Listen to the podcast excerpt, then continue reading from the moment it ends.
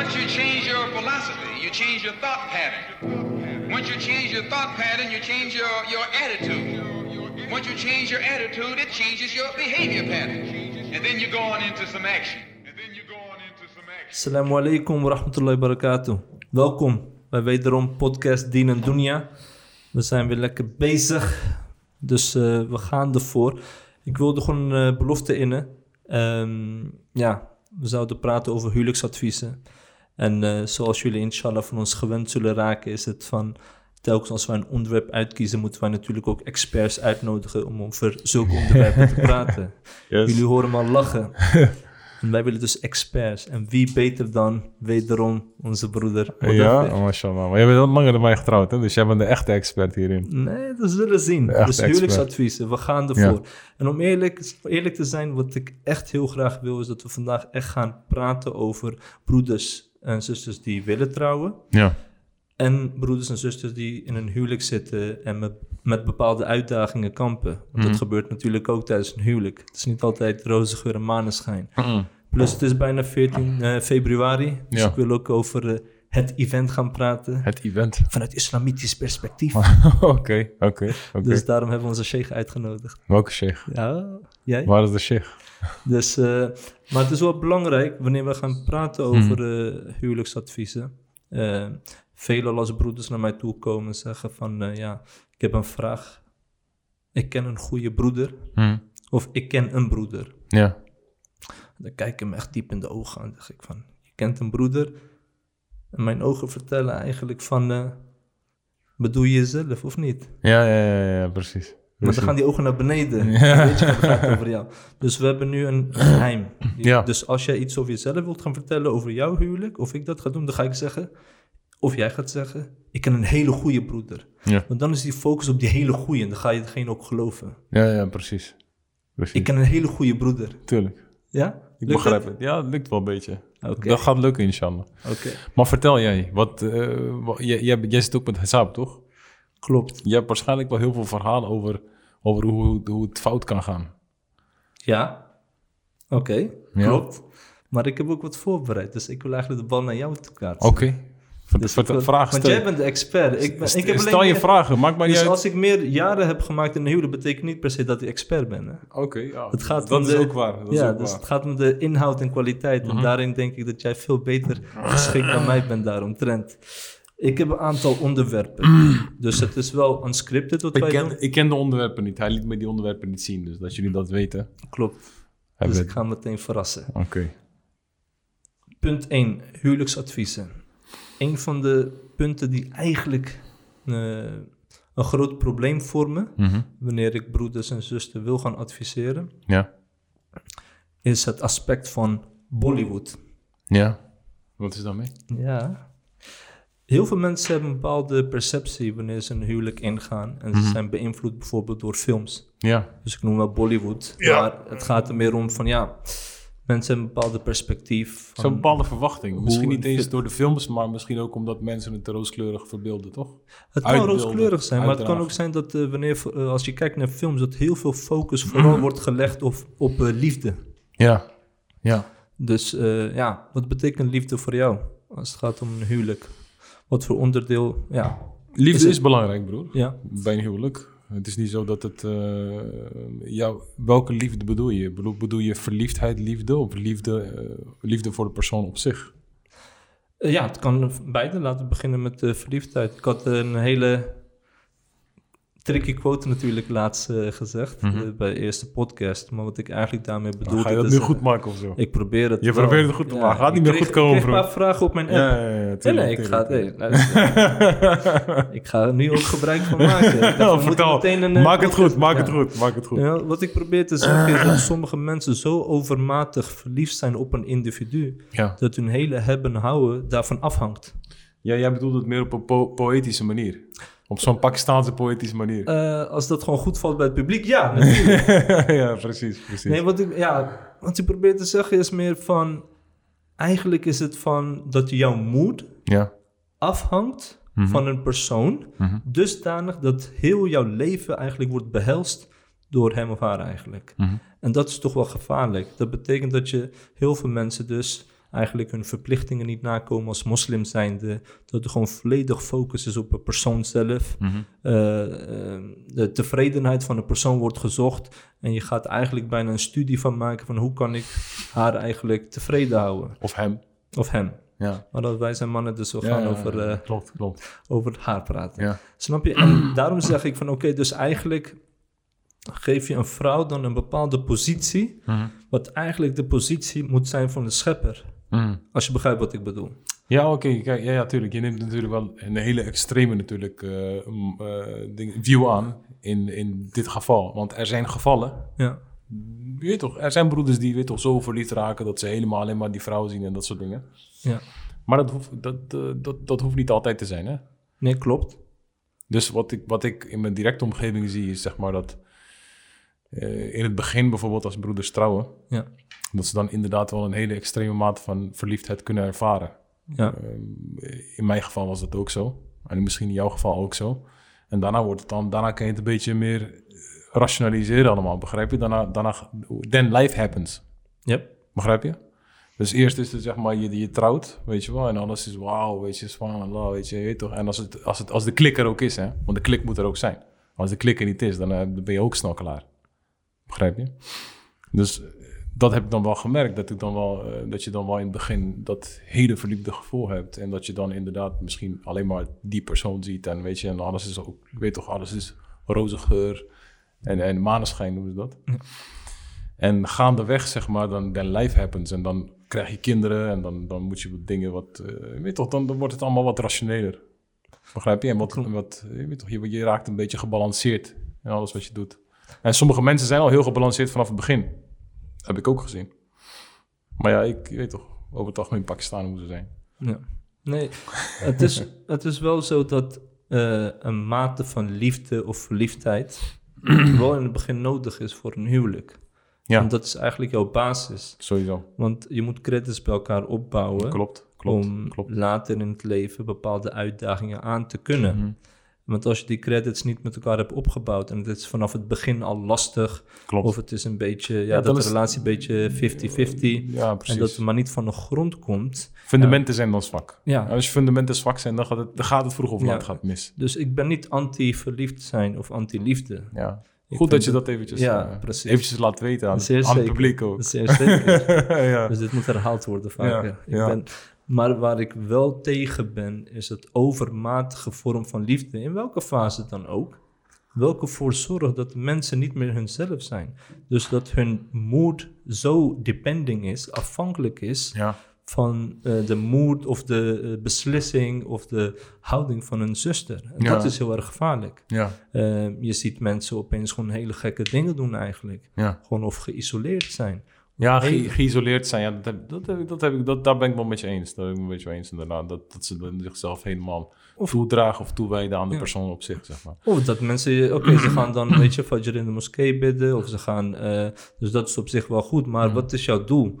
Is het dat jij eigenlijk ervoor wilt zorgen dat de, dat de vrouw tot jou komt, dat je met haar kunt trouwen? Dus je gaat hele extreme en gewoon misschien verplichte dingen doen om de tevredenheid van Allah subhanahu wa ta'ala te realiseren. Mhm. Dus dat jij de zuster krijgt. Snap je? Dus Oh, eigenlijk zo worden heel veel dingen... Oh, dit is al een pre-fase van het huwelijk, zeg maar. Zo Oh, bedoel je. want ik zei van ja, die willen trouwen. Ja, klopt. Ja. Nee, maar je hebt gelijk.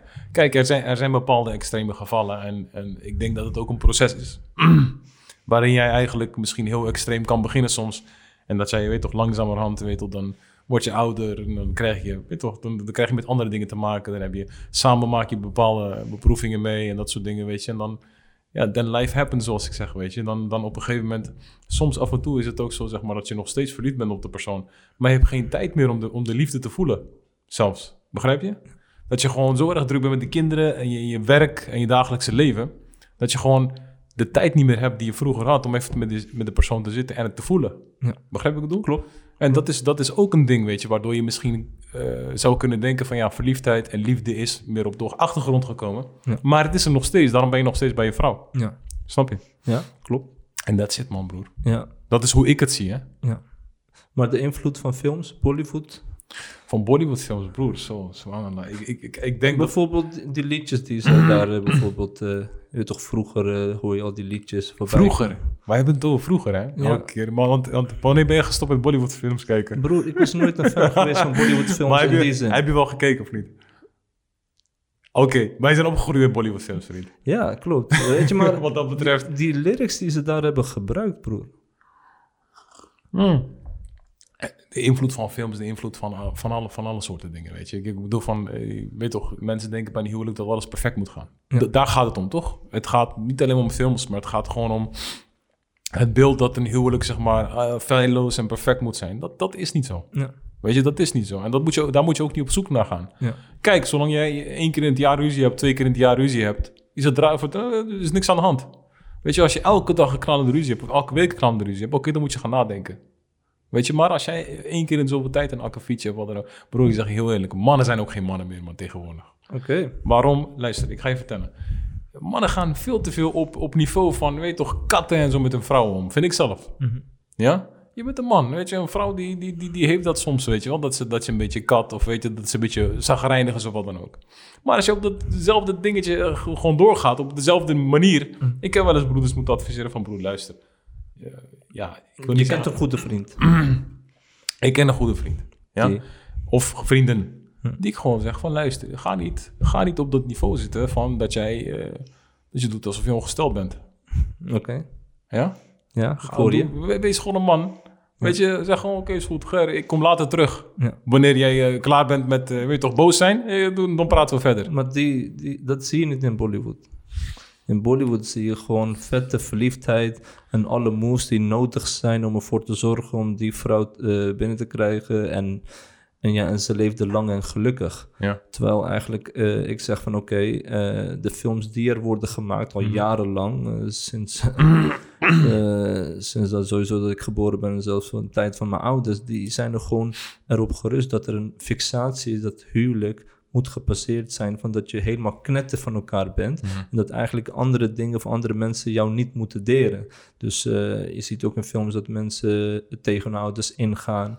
Je ziet ook dat eh, mensen gewoon heel veel beslissingen nemen, welke ook tegen islam ingaan. Ja. Maar als je dat veelvuldig ziet en hoort, dan ga je telkens op zoek voor jouzelf naar een ideale persoon, naar een ideale vrouw. En wanneer je eenmaal die ideale persoon in jouw hoofd dan, eh, of wat je voor je ziet, hebt gevonden, Ja. dan ja, ik vind gewoon dat, eh, dat het gewoon heel lastig is dat mensen gewoon het woord ishq eigenlijk, wat ze hebben, ja, precies. dat zij die muhabbat, dat is, ja, ik zie mensen hele gekke dingen doen. Eh, ik zie mensen gewoon veranderen.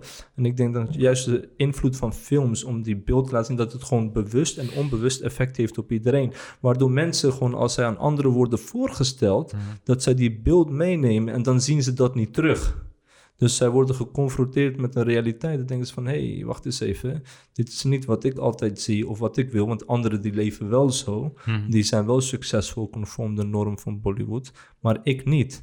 En dan mis je eigenlijk het juiste concept van een huwelijk Ja. binnen islam. Ja, want dat is ook zo. Dat is zo ik, daar geef ik je helemaal groot gelijk in. Want een huwelijk is ook eigenlijk een, een, eh, een zwaar iets... welk door twee mensen kan worden gedragen. Het is een hele onderneming. Het Ja. is geen grap.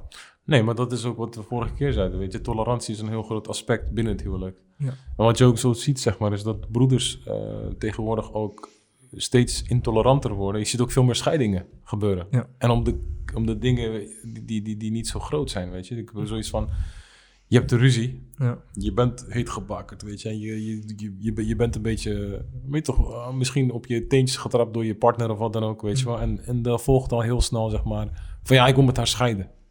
Ja. Snap je? Ik kan niet meer met haar zijn. Begrijp je? En dan heb ik zoiets van, kom op man.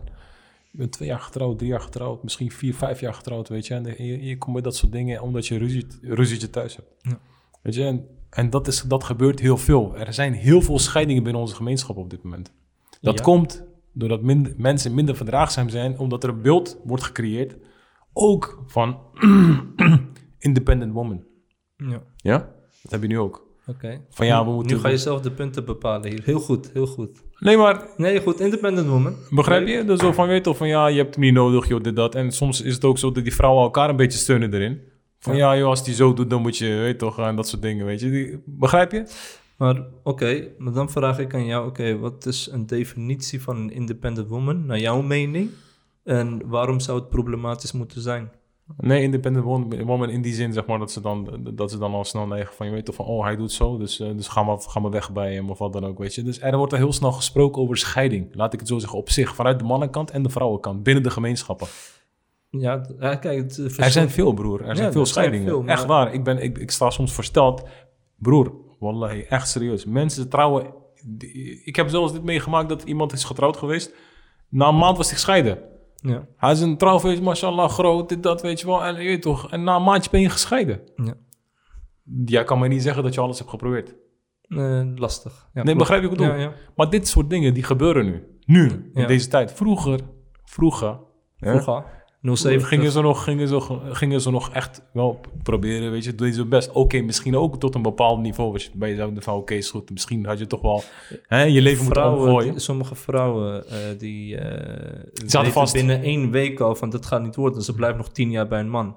Ze- Ja, precies. Maar dat, dat is ook niet de bedoeling. Maar waarom denk jij juist Mhm, dat mensen nu sneller scheiden en vroeger niet? Want een huwelijk blijft nog steeds een huwelijk. mhm, De problemen zijn niet significant anders. Mhm. Ja, ik denk, dat, ik denk dat het ook door, de, door het beeld komt binnen de maatschappij, denk ik ook. Dat het allemaal sneller is. Ik denk ook, door, ik denk ook misschien dat die, dat die vrouwen van vroeger ook wat, die zich wat meer afhankelijk voelden. Ja, van, van de man. Eens. Ja?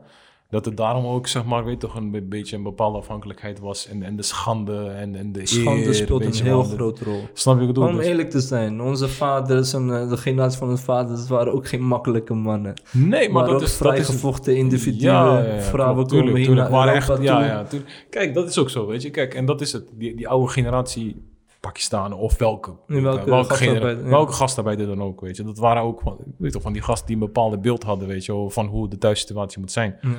En je ziet dat een beetje, dat, dat het nu aan het veranderen is, weet Ja. je. Ik bedoel van, eh, jij kan mij niet zeggen dat jij geen broeders bij Hisab hebt gehad die hebben gezegd van, ik wil dat mijn vrouw werkt. Ja. Snap je? Vroeger was dat niet aan de orde. Ja. Vroeger was het van, hé, ik zorg voor de vrouw. Ik, ter- ter- ik ben er nog steeds voorstander van trouwens. Same here. Van dat, van dat de man voor de vrouw moet zorgen. En niet dat, eh, weet je wel, dat, dat je gaat eisen dat de vrouw werkt. Kijk, als ze werkt, als ze wilt werken, dat is iets anders. Begrijp je? En, Ja. en dan alsnog, weet je, dan, dan kijk je naar de situatie thuis. Bijvoorbeeld, bijvoorbeeld, weet je, je hebt kinderen. Ja, waarom, waarom moet je werken? Ja, Weet ik ben sowieso kleine kindjes, weet je. Maar ik ben sowieso een super jaloerse man, dus mijn vrouw moet gewoon thuis blijven wat dat betreft. Ja, vind Maar- je? Ja, ja, ik ben heel jaloers man. Ja, maar dat ben ik ook. Maar weet toch, je kan dat toch niet, weet toch... Oh nee, nee, oh, nee niet Snap op die je? manier. Nee, nee, nee, nee, Ja. nee, nee. Ik bedoel, ik vind juist dat ze gewoon haar ding moet doen. En eh, Ja, precies. dus even, naar mijn mening is ze gewoon vrij om te, stel te dat- ondernemen, om te communiceren. Precies. Eh, wat dat betreft Ja. is dat het punt niet. Maar wat Maar bedoel je dan daarmee? Zeg maar? Maar wat ik van- probeer aan te geven, en dat heeft meer te maken met mijn eh, situatie, gezinssituatie in ieder geval, is het zo bijvoorbeeld, bij mij was het zo, mijn vader raakte verlamd. Mhm. Eh, en eh, op een gegeven moment, ja, dus de, ja, de breadwinner is er niet. Precies. Eh, en mijn moeder, die is niet geschoold. Mhm. Dus dan moet je gewoon eigenlijk, ja, met haar beperkte taal gebruiken in het Nederlands. En ja, ze heeft geen diploma. Wat nu? Mhm. Snap je? Dus ik begrijp wel, en daar heb ik meer begrip voor getoond naarmate je gewoon wat ouder wordt, dat, dat er gewoon broeders zijn die tegen een vrouw zeggen van, oké, ik verdien. Eh, wij kunnen gewoon, eh, we komen gewoon uit onze kosten, we kunnen gewoon doen eh, wat we willen. Maar ik vind het goed voor jouw ontwikkeling, dat je gewoon educatie volgt, dat je ook gewoon werkt, want je weet het maar nooit.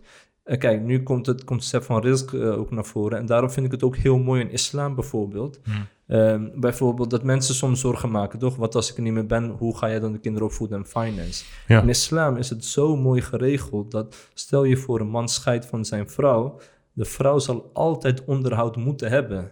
Dit is vanuit de fiqh is dit vastgelegd. Mhm. Dus eh, als zij kinderen heeft en ze is gescheiden, onderhoud voor haarzelf. De verplichting gaat dan naar de broers. Mhm. En als de broers niet bij machten zijn, gaat het naar de vader. Mhm. Dus er is altijd wel Ja, onderhoud. natuurlijk. We hebben altijd het systeem. Klopt. Eh, en dat is echt mooi. Ja, Eh, ja, tuurlijk. dat vind ik echt geweldig.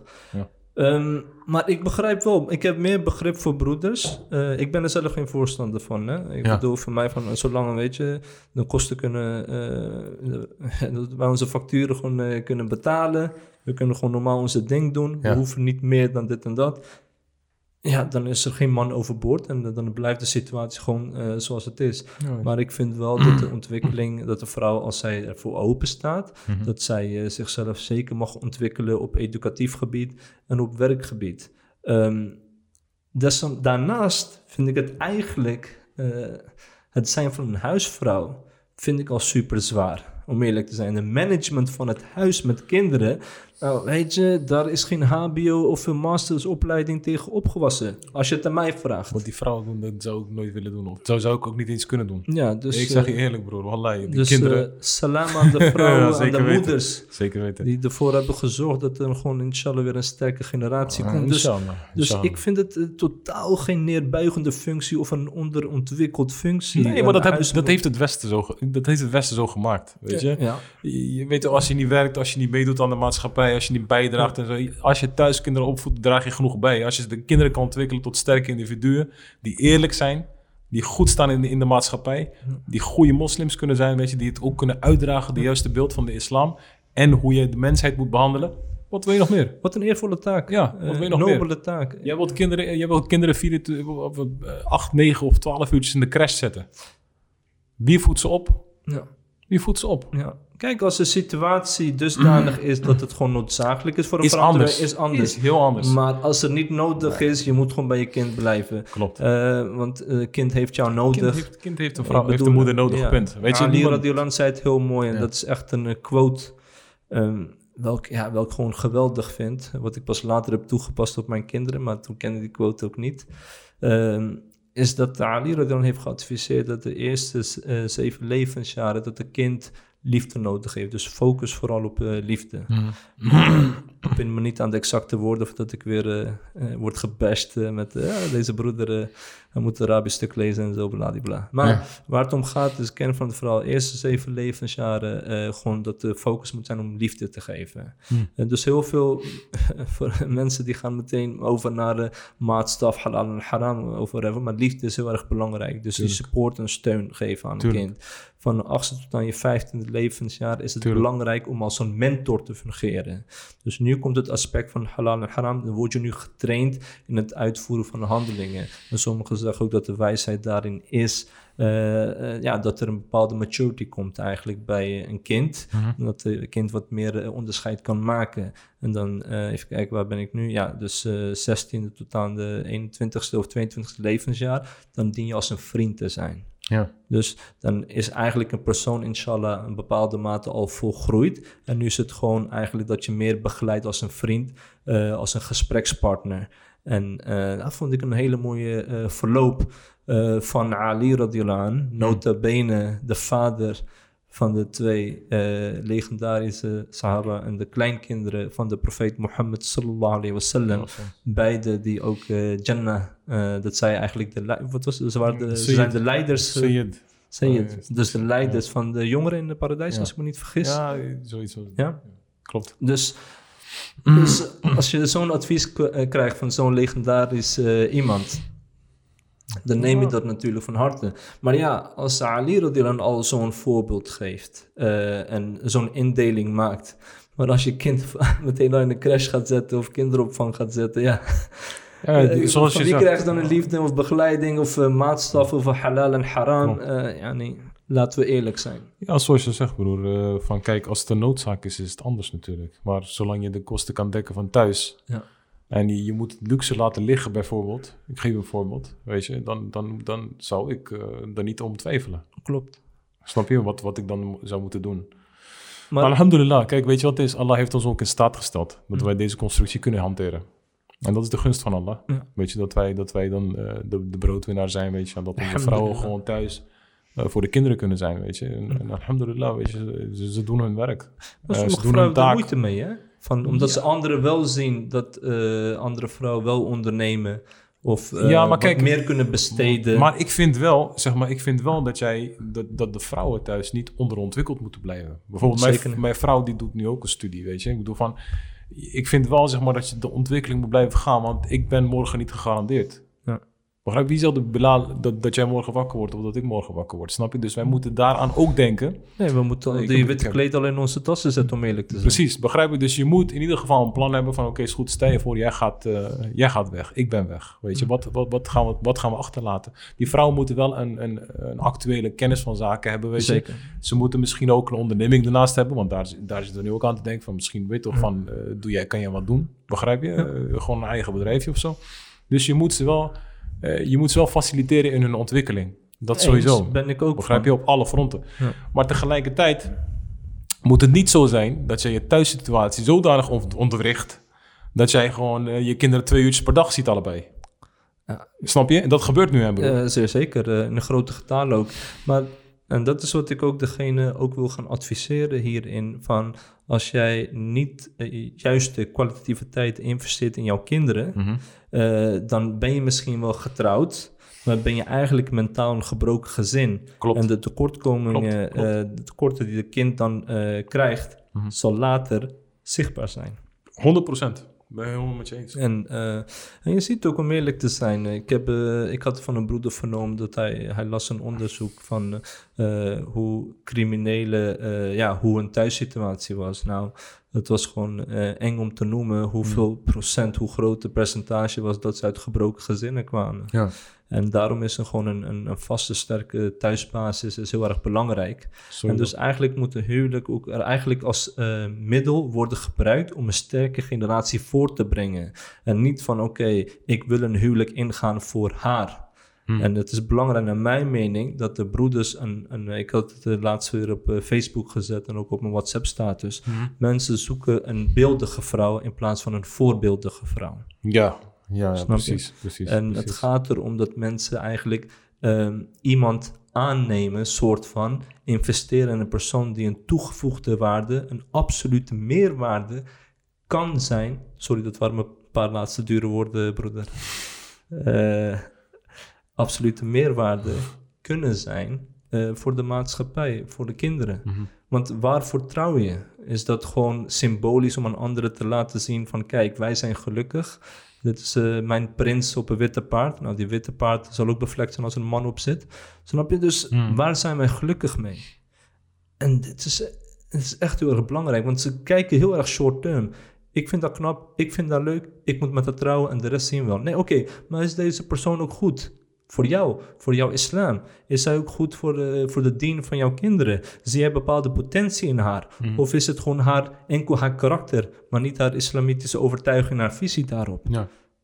Nee, maar, maar ik, ik vind dat het een, dat een goede balans moet zijn ook. En zeker ook de karak- het karakter, weet je, is ook een hele een, een, doorslaggevend iets, zeg maar. Want, want eh, haar karakter zal, zal, zal ook een stukje in jouw kinderen zitten. En jouw karakter zit ook in jouw kinderen, weet je. Dus eh, het is een gezamenlijk iets, weet je. Ja. En de uithoudingsvermogen daarin ook, weet je, tussen beide partners is heel belangrijk. Zeker. En Ik, ik heb daar, daarom, daar, daarover heb ik ook wel wat, wat grappige verhalen, verhalen. Ik had eens een keertje een broeder die belde mij. Een hele goede broeder, toch? Een hele goede broeder. Ja. Hij belde mij op een gegeven moment op. Hij belde mij op een gegeven moment op. Ja. Hij zei tegen mijn broeder, eh, ik heb het gezegd. Ik zei, ik zei tegen hem, wat heb je gezegd? Ja. Hij zegt, wel, ik heb mijn vrouw scheiding gegeven, zegt hij. Wow. Ik zei, subhanallah. Ik zei, broer, wat heb je tegen haar gezegd dan? Ja. Ik heb de woorden uitgesproken, zei hij. Hè? Talak. Scheiding, zeg maar. Hij, Dus ik dacht, hij heeft dat gewoon gezegd. Ja. Maar ik zeg, wat heb je exact tegen je vrouw gezegd? Want weet je, ik, weet, ik, ik zat al langer in het proces van dat ze wat problemen hadden samen en zo. Ja. Maar alhamdulillah, ze, ze zijn er overheen nu. Alles gaat goed nu, alhamdulillah, weet je. Dus zo zie je maar Ja. dat, dat zo'n eh, reactie, zeg maar, op bepaalde dingen... Ja. Weet je, wat voor, wat voor consequenties en implicaties dat heeft, zeg maar, achteraf. Begrijp je? Mensen, eh, die, die denken soms niet na, weet je. En je weet wel, sommige heetgebakende broeders, weet je, die hebben nog minder... eh, weet je, die, die hebben nog minder geduld soms. Ja. En hij zei, ik heb de woorden gezegd. Hij zei, welke woorden heb je gezegd? Ja. Hij zegt, ik heb drie keer tawakkul tegen haar gezegd. hij zegt, ik heb drie keer, creatief. Ik heb drie keer tawakkul tegen haar gezegd. Ja. Maar tawakkul betekent vertrouwen, weet je. Dus exact. ik was aan de andere kant van de lijn. Maar die jongen was zo boos. Ja. Dat ik zei tegen hem, oké, is goed. Ja, dan is het, eh, dan is het, eh, ja, dan is het klaar, broer. Inshallah, ik spreek je later dan, ja? Hij is leuk, hij is leuk. Snap je? Ik vind hem mooi. Maar als ik op dat moment tegen die man had gezegd van, Ja. broer, dat zijn niet de juiste woorden, dan had... dan had hij daar weer opgebeld. Maar als je dat soms is het eh, hebben van geen kennis ook een gunst. Ja, nee, maar, ik, nee, maar het gaat erom, weet je, van Ja. eh, die, dat overhaasten in, Ja. in, de, in de maatschappij ook, weet je. Je weet toch, je, je, je moet eh, sta even stil, weet je. Denk Ja. even na over de situatie, weet je. Dat is heel belangrijk binnen een huwelijk. We hebben het over een huwelijk, toch? Huwelijksadviezen. En dan is het zeg maar van, eh, neem een stappen altijd terug, weet je. Rationalize everything, weet je. En, Ja. dan, en dan denk erover na en dan neem de volgende stap. Helder. Volgend onderwerp, broer. Ja, je staat hier te popelen met je lijstje, mashallah. Je staat hier te popelen met je lijstje. Oké. Laat, schiet. Een stervende concept, denk ik. Nou. Maar ik denk dat hij weer terugkomt in een andere vorm. Ja? Arranged marriage. Arranged marriage. Voor Pakistan is dat geen strange marriage, hè? Nee, dat inderdaad niet. Nee, klopt. Ja, ik weet niet, man, broer. Ik, eh, gebeurt dat nog, denk je? Nou kijk, weinig, toch, Laat denk ik ik. het zo stellen. Ehm, Vroeger had je de klassieke versie Ja. van arranged marriage. Ja. Van koppen dicht, jullie trouwen. Ja. Terwijl, eh, weet je, kinderen niet eens hun eigen naam kunnen spellen. Ja. Eh, Dat was, dat was meer in de tijd van onze ouders, denk ik. zelfs eh, toen wij jong waren, broer. Oké, jij was natuurlijk heel vrij gevochten, maar dat is een andere kwestie. Ja. Maar de broeders van mijn leeftijd, toen ze ook eh, 16, 17, 18 jaar waren... Ja. Hey, ze hadden al een ring om hun vinger en je moest hem vragen van, wat met deze Ja, ik kende Nee, ook vind wel een goud paar. gewoon mooi, zei hij. ik, ik kende ook wel een paar. Ja. Ik, ik kende de vroeger wel een maar, paar. maar het punt is bijvoorbeeld, ehm, laten we praten over de arranged marriage eh, van, eh, van degene van onze generatie. Hm. Eh, het was gewoon een moedje. Het Ja, was gewoon eh, een verplicht iets. Dus je gaat naar Pakistan, op, shalwar kameez moet aan en eh, het liefst wit. En je En gaat dat je het zegt, ik, ik, ik, ik, Er zijn ken, er- ik ken broer- er nu zelfs nog één, maar... Nee, maar het punt is, waar het om gaat is van... Zij moeten verplicht dan trouwen, Mhm. omdat de effecten van hun ouders dusdanig sterk zijn dat ze daar Mhm. niks tegen kunnen doen. En Ja. dan komen ze terug naar Europa, dus in Nederland. Mhm. En ja, dan gaan ze hier eh, natuurlijk een ander leven leiden, dan gaan ze van God los. Snap je? Ja. Ehm, en dat betekent niet per se dat ze dan hier verliefd worden op iemand anders. Maar ja, ze hebben zoiets van, ja, mijn leven is toch al geruineerd. Omdat ik met iemand ga trouwen die ik niet wil, Mhm. niet mag. Of ik zie haar als mijn zusje, of whatever. Of ze is onaantrekkelijk. Dus het is een gearrangeerd, het is een geforceerd huwelijk. Wat gewoon helaas plaatsvindt. Ja. Eh, in ieder geval in die tijd. Nu, eh, ik denk dat heel veel ouders eh, ook een beetje wakker worden. Dus zij zien ook de problemen die daardoor zijn ontstaan. Ook al hebben ze een bepaalde wens dat ze liever willen dat mensen binnen de familie trouwen en wat not. Maar nu hebben een andere soort van gearrangeerd huwelijk. Wat een meer, naar mijn mening, islamitischer eh, versie is.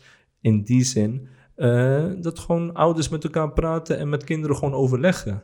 Dus zij kijken nu, en ze hebben ook geleerd van hun fouten. Ja. Eh, maar natuurlijk, ouders vinden het natuurlijk heel erg moeilijk om toe te geven dat ze toen de tijd een verkeerde beslissing hebben gemaakt. Ja, maar op basis van de handeling moet je het wel begrijpen dat ze dat eh, Ja, niet zo bedoelden en dat het een fout was. Maar eh, dat is nu op deze manier. Dus ouders die kijken nu, die praten met anderen, ze zoeken elkaar wat meer op. Mhm. En ze hebben zoiets van, ja, ik heb ook een dochter, kijken hier en daar tegenaan. Dus ik vind dit eh, wat meer stijlvol. Eh, natuurlijk eh, worden nog steeds wel gekeken, ook in arranged marriages, anno 2020, naar status. En soms heb je bijvoorbeeld een praktiserende broeder, maar de ouders eh, die zeggen op een negatieve manier van ja, hij praktiseert wel, dus draagt ze wel een hoofddoek, weet je, want dan kunnen we pas verder praten. Ja, Snap je? ja. Of dat je te maken hebt met eh, iemand die zo well off is, gestudeerd is en dat de ouders heel blij naar andere familieleden gaan. Ja, maar sorry, eh, zou dat puttert in mastercard. klopt. Oftewel, onze zoon die, eh, die doet masters, dus die, die heeft het voor het uitkiezen. En dan zie je ook gewoon van wanneer ze gewoon volhouden in master, master, master, of ondernemer, ondernemer, ondernemer en succesvol en bla, die bla, dat hij 35, 36 jaar wordt en dat hij niemand compatible vindt. Ehm, maar vanuit islam wordt er eigenlijk ook wel gekeken naar status. Wist je dat? Ja, ja, ja, dat weet ik. Dat weet ik. Dat weet ik. Vertel zich. Nee, Nee, nee, nee, vertel jij Nee, maar. Jij komt erbij, dus nee maar jij jij dat je weet, hè? Nee, nee, ik weet het, maar vertel Oké, jij. Want ik- jij, want jij hebt nu een, eh, een dinges, weet je. Jij wil nu iets, iets ja, vertellen. heel slim van jou. Dus vertel. Heel slim. Nee, wat ik, eh, wat ik ook in het boek heb gelezen, en dat vond ik wel interessant. En ik dacht van, hé, hey, is dat wel correct of niet? En er wordt gekeken, sommige ulama die praten erover en die geven aan van oké, je moet ook kijken bijvoorbeeld of het compatible is qua status. Dus als een vrouw een hoge rang heeft, een man heeft een minder hoge rang, is het, voor sommigen is het gewoon van ja, verplicht van doe het niet, of anderen zeggen het is afgeraden. De meningen verschillen daarover, maar er wordt wel gekeken naar plaats, rang, en al Cultuur. die andere zaken. Maar ik vind niet dat je dat meteen moet gaan doortrekken naar Ja. anno eh, 2020, omdat nu is er niet echt sprake van een, een, een eh, kastensysteem eh, per se in Europa dan onder, eh, onder de moslims. Maar zo wordt er wel naar gekeken helaas, dat het kastensysteem nog steeds bij sommige etniciteiten nog steeds plaatsvindt. Dus ja, ik vind het bijvoorbeeld... Oh, bij ons Pakistanen gebeurt het ook nog steeds. nog steeds, ja, ja. bij- Marokkanen gebeurt het zelfs ook. Klopt, ja, Die oké. moeten van hetzelfde, dezelfde dorp, van dezelfde berg komen. Ja, weet je, hebt slech, wat heb je? Uh, Rifi, soesies. ja, ja. En eh, dan mocht die, weet je, Rifia, de Al-Hussima, alles. Ja, al die, Fez, Tetwan. En als je gewoon een paar Klopt. kilometer verder bent, wordt het een probleem. Ja, ja, ja, klopt, klopt. Wat had je laatst, wat had ik laatst geleerd? Bentib is er ook eentje. Ja, ze zijn er. Ze zijn er En dan heb je ook de Pakistan natuurlijk, de Rajputs en de Chaudhry's en de. Khans, snap je?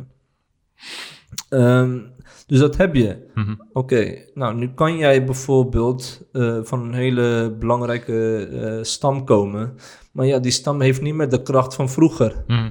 Bijvoorbeeld mijn stam, ja, wij waren aanwezig. We Je, hele hebt- je hebt jouw stam in Pakistan gelaten. Sorry? Je hebt jouw stam in Pakistan Nee, gelaten. vriend, ik, ik bedoel, we waren rijk, maar ik heb er niks van gemerkt. Snap je? We maar het alleen een paradijs geven, inshallah. Amin, amin, amin. We waren een hele moeilijke stam trouwens, hè? Ja? Ja, man. Oké. Subhanallah, mijn stam die vocht gewoon tegen moslims, hè? Ja? We vochten tegen moslims. Ja, het gaat nu een beetje weg van huwelijksadviezen. Maar we waren zo koppig dat als de moslims de overhand kregen, dat we ook onszelf gingen vermoorden, want we wilden niet verliezen. Moet je nagaan. Dan ben je wel echt eh, Dan ben je- standvastig. Dan, dan ben je echt koppig. Ja, en we, Oh, vandaar Bilal. ja, Nu begrijp ik het. en op een gegeven moment waren we zo koppig dat op het eind werden wij pas moslim, omdat onze eh, stam, die eigenlijk onze zware tegenstander was, moslim werd. En dan van oké, is goed. Ja, nu blijven wij over. Maar in ieder geval, eh, het uh, kastensysteem is nog wel... De status is wel heel erg belangrijk. Ja. Eh, het gaat erom dat er een bepaalde match is. Dus als we kijken naar status in deze tijd, eh, moet je wel... ja, een bepaalde maat van intellectuele, eh, ja, moet je wel overeenkomen. Als iemand zegt van, ja, ik heb een HBO of een WO-mentaliteit of denkwijze en ik wil dat de zuster daarin meegaat. Kijk, voor mij was dat niet belangrijk. Snap je wat ik bedoel? Mm. Ik heb gewoon puur gekozen voor de klassieke manier, weet je. Front office, back office. Mhm. Snap je? Dus ik weet niet hoe jij daar tegenaan kijkt, tegen status. Ja, voor mij is het wel... Voor mij... Status is sowieso niet belangrijk. Maar het voor mij was het enige, enige wat wel belangrijk was... was, was wel dat mijn vrouw gewoon eh, mee kon denken. En mee kon praten. Gewoon op, op een bepaald niveau. Zeg maar. Wel Dat, dat ze op intellectueel niveau, zeg maar... gewoon bepaalde dingen begreep. Oh, jij bent dan de standaardbroeder van nu. Heel veel mensen willen dat namelijk. Nee, maar ja, goed. Kijk, ze hoefden voor mij geen, niet, niet hoog opgeleid te zijn. Nee, precies. Maar ze ja. moeten wel gewoon kunnen meedenken. meedenken, ja. Begrijp je? Het moet niet zo zijn, zeg maar, dat als ik thuis kom, zeg maar, en dat ik als ik een bepaald concept uitleg voor de kinderen bijvoorbeeld, dat ze, dat ze denken bij zichzelf van, waar heeft deze man Ja, het over? precies. Begrijp je? Want ja. concepten in deze tijd zijn ook complexer geworden. Ja, Begrijp ik bedoel? Dus ik, ik wou wel dat ze een bepaalde mate van... ja, zodat je een conversatie met haar kan Ja, voeren. precies. Van ben je er even niet, dan kan zij eigenlijk de taak weer overnemen om kinderen te op, op te voeden en bij te brengen. Klopt. Dat er een klopt. level is Dat er een level is van, Ja. van, van understanding, zeg maar, thuis, weet je. Dat je gewoon Ja. wel met elkaar kan communiceren. Ja. Klopt. Oké. Ehm, een van de grootste uitdagingen Mhm. die broeders en zusters meemaken wanneer ze getrouwd zijn. En ook een heel grote rol speelt ook eh, bij scheidingen, althans als je de verhalen moet gaan geloven, is schoonfamilie. Schoonfamilie. Ja, ja, klopt. Schoonfamilie. Ik zeg altijd, en eh, nu kunnen anderen ook deze advies meenemen, Mhm.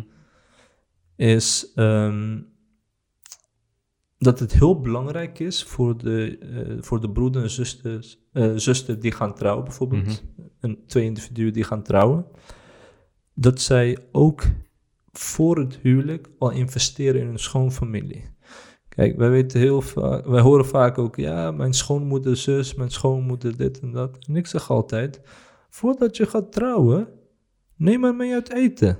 Mhm. Snap je? Probeer een band met haar op te bouwen, want dat is de eerste indruk. Mhm. Snap je?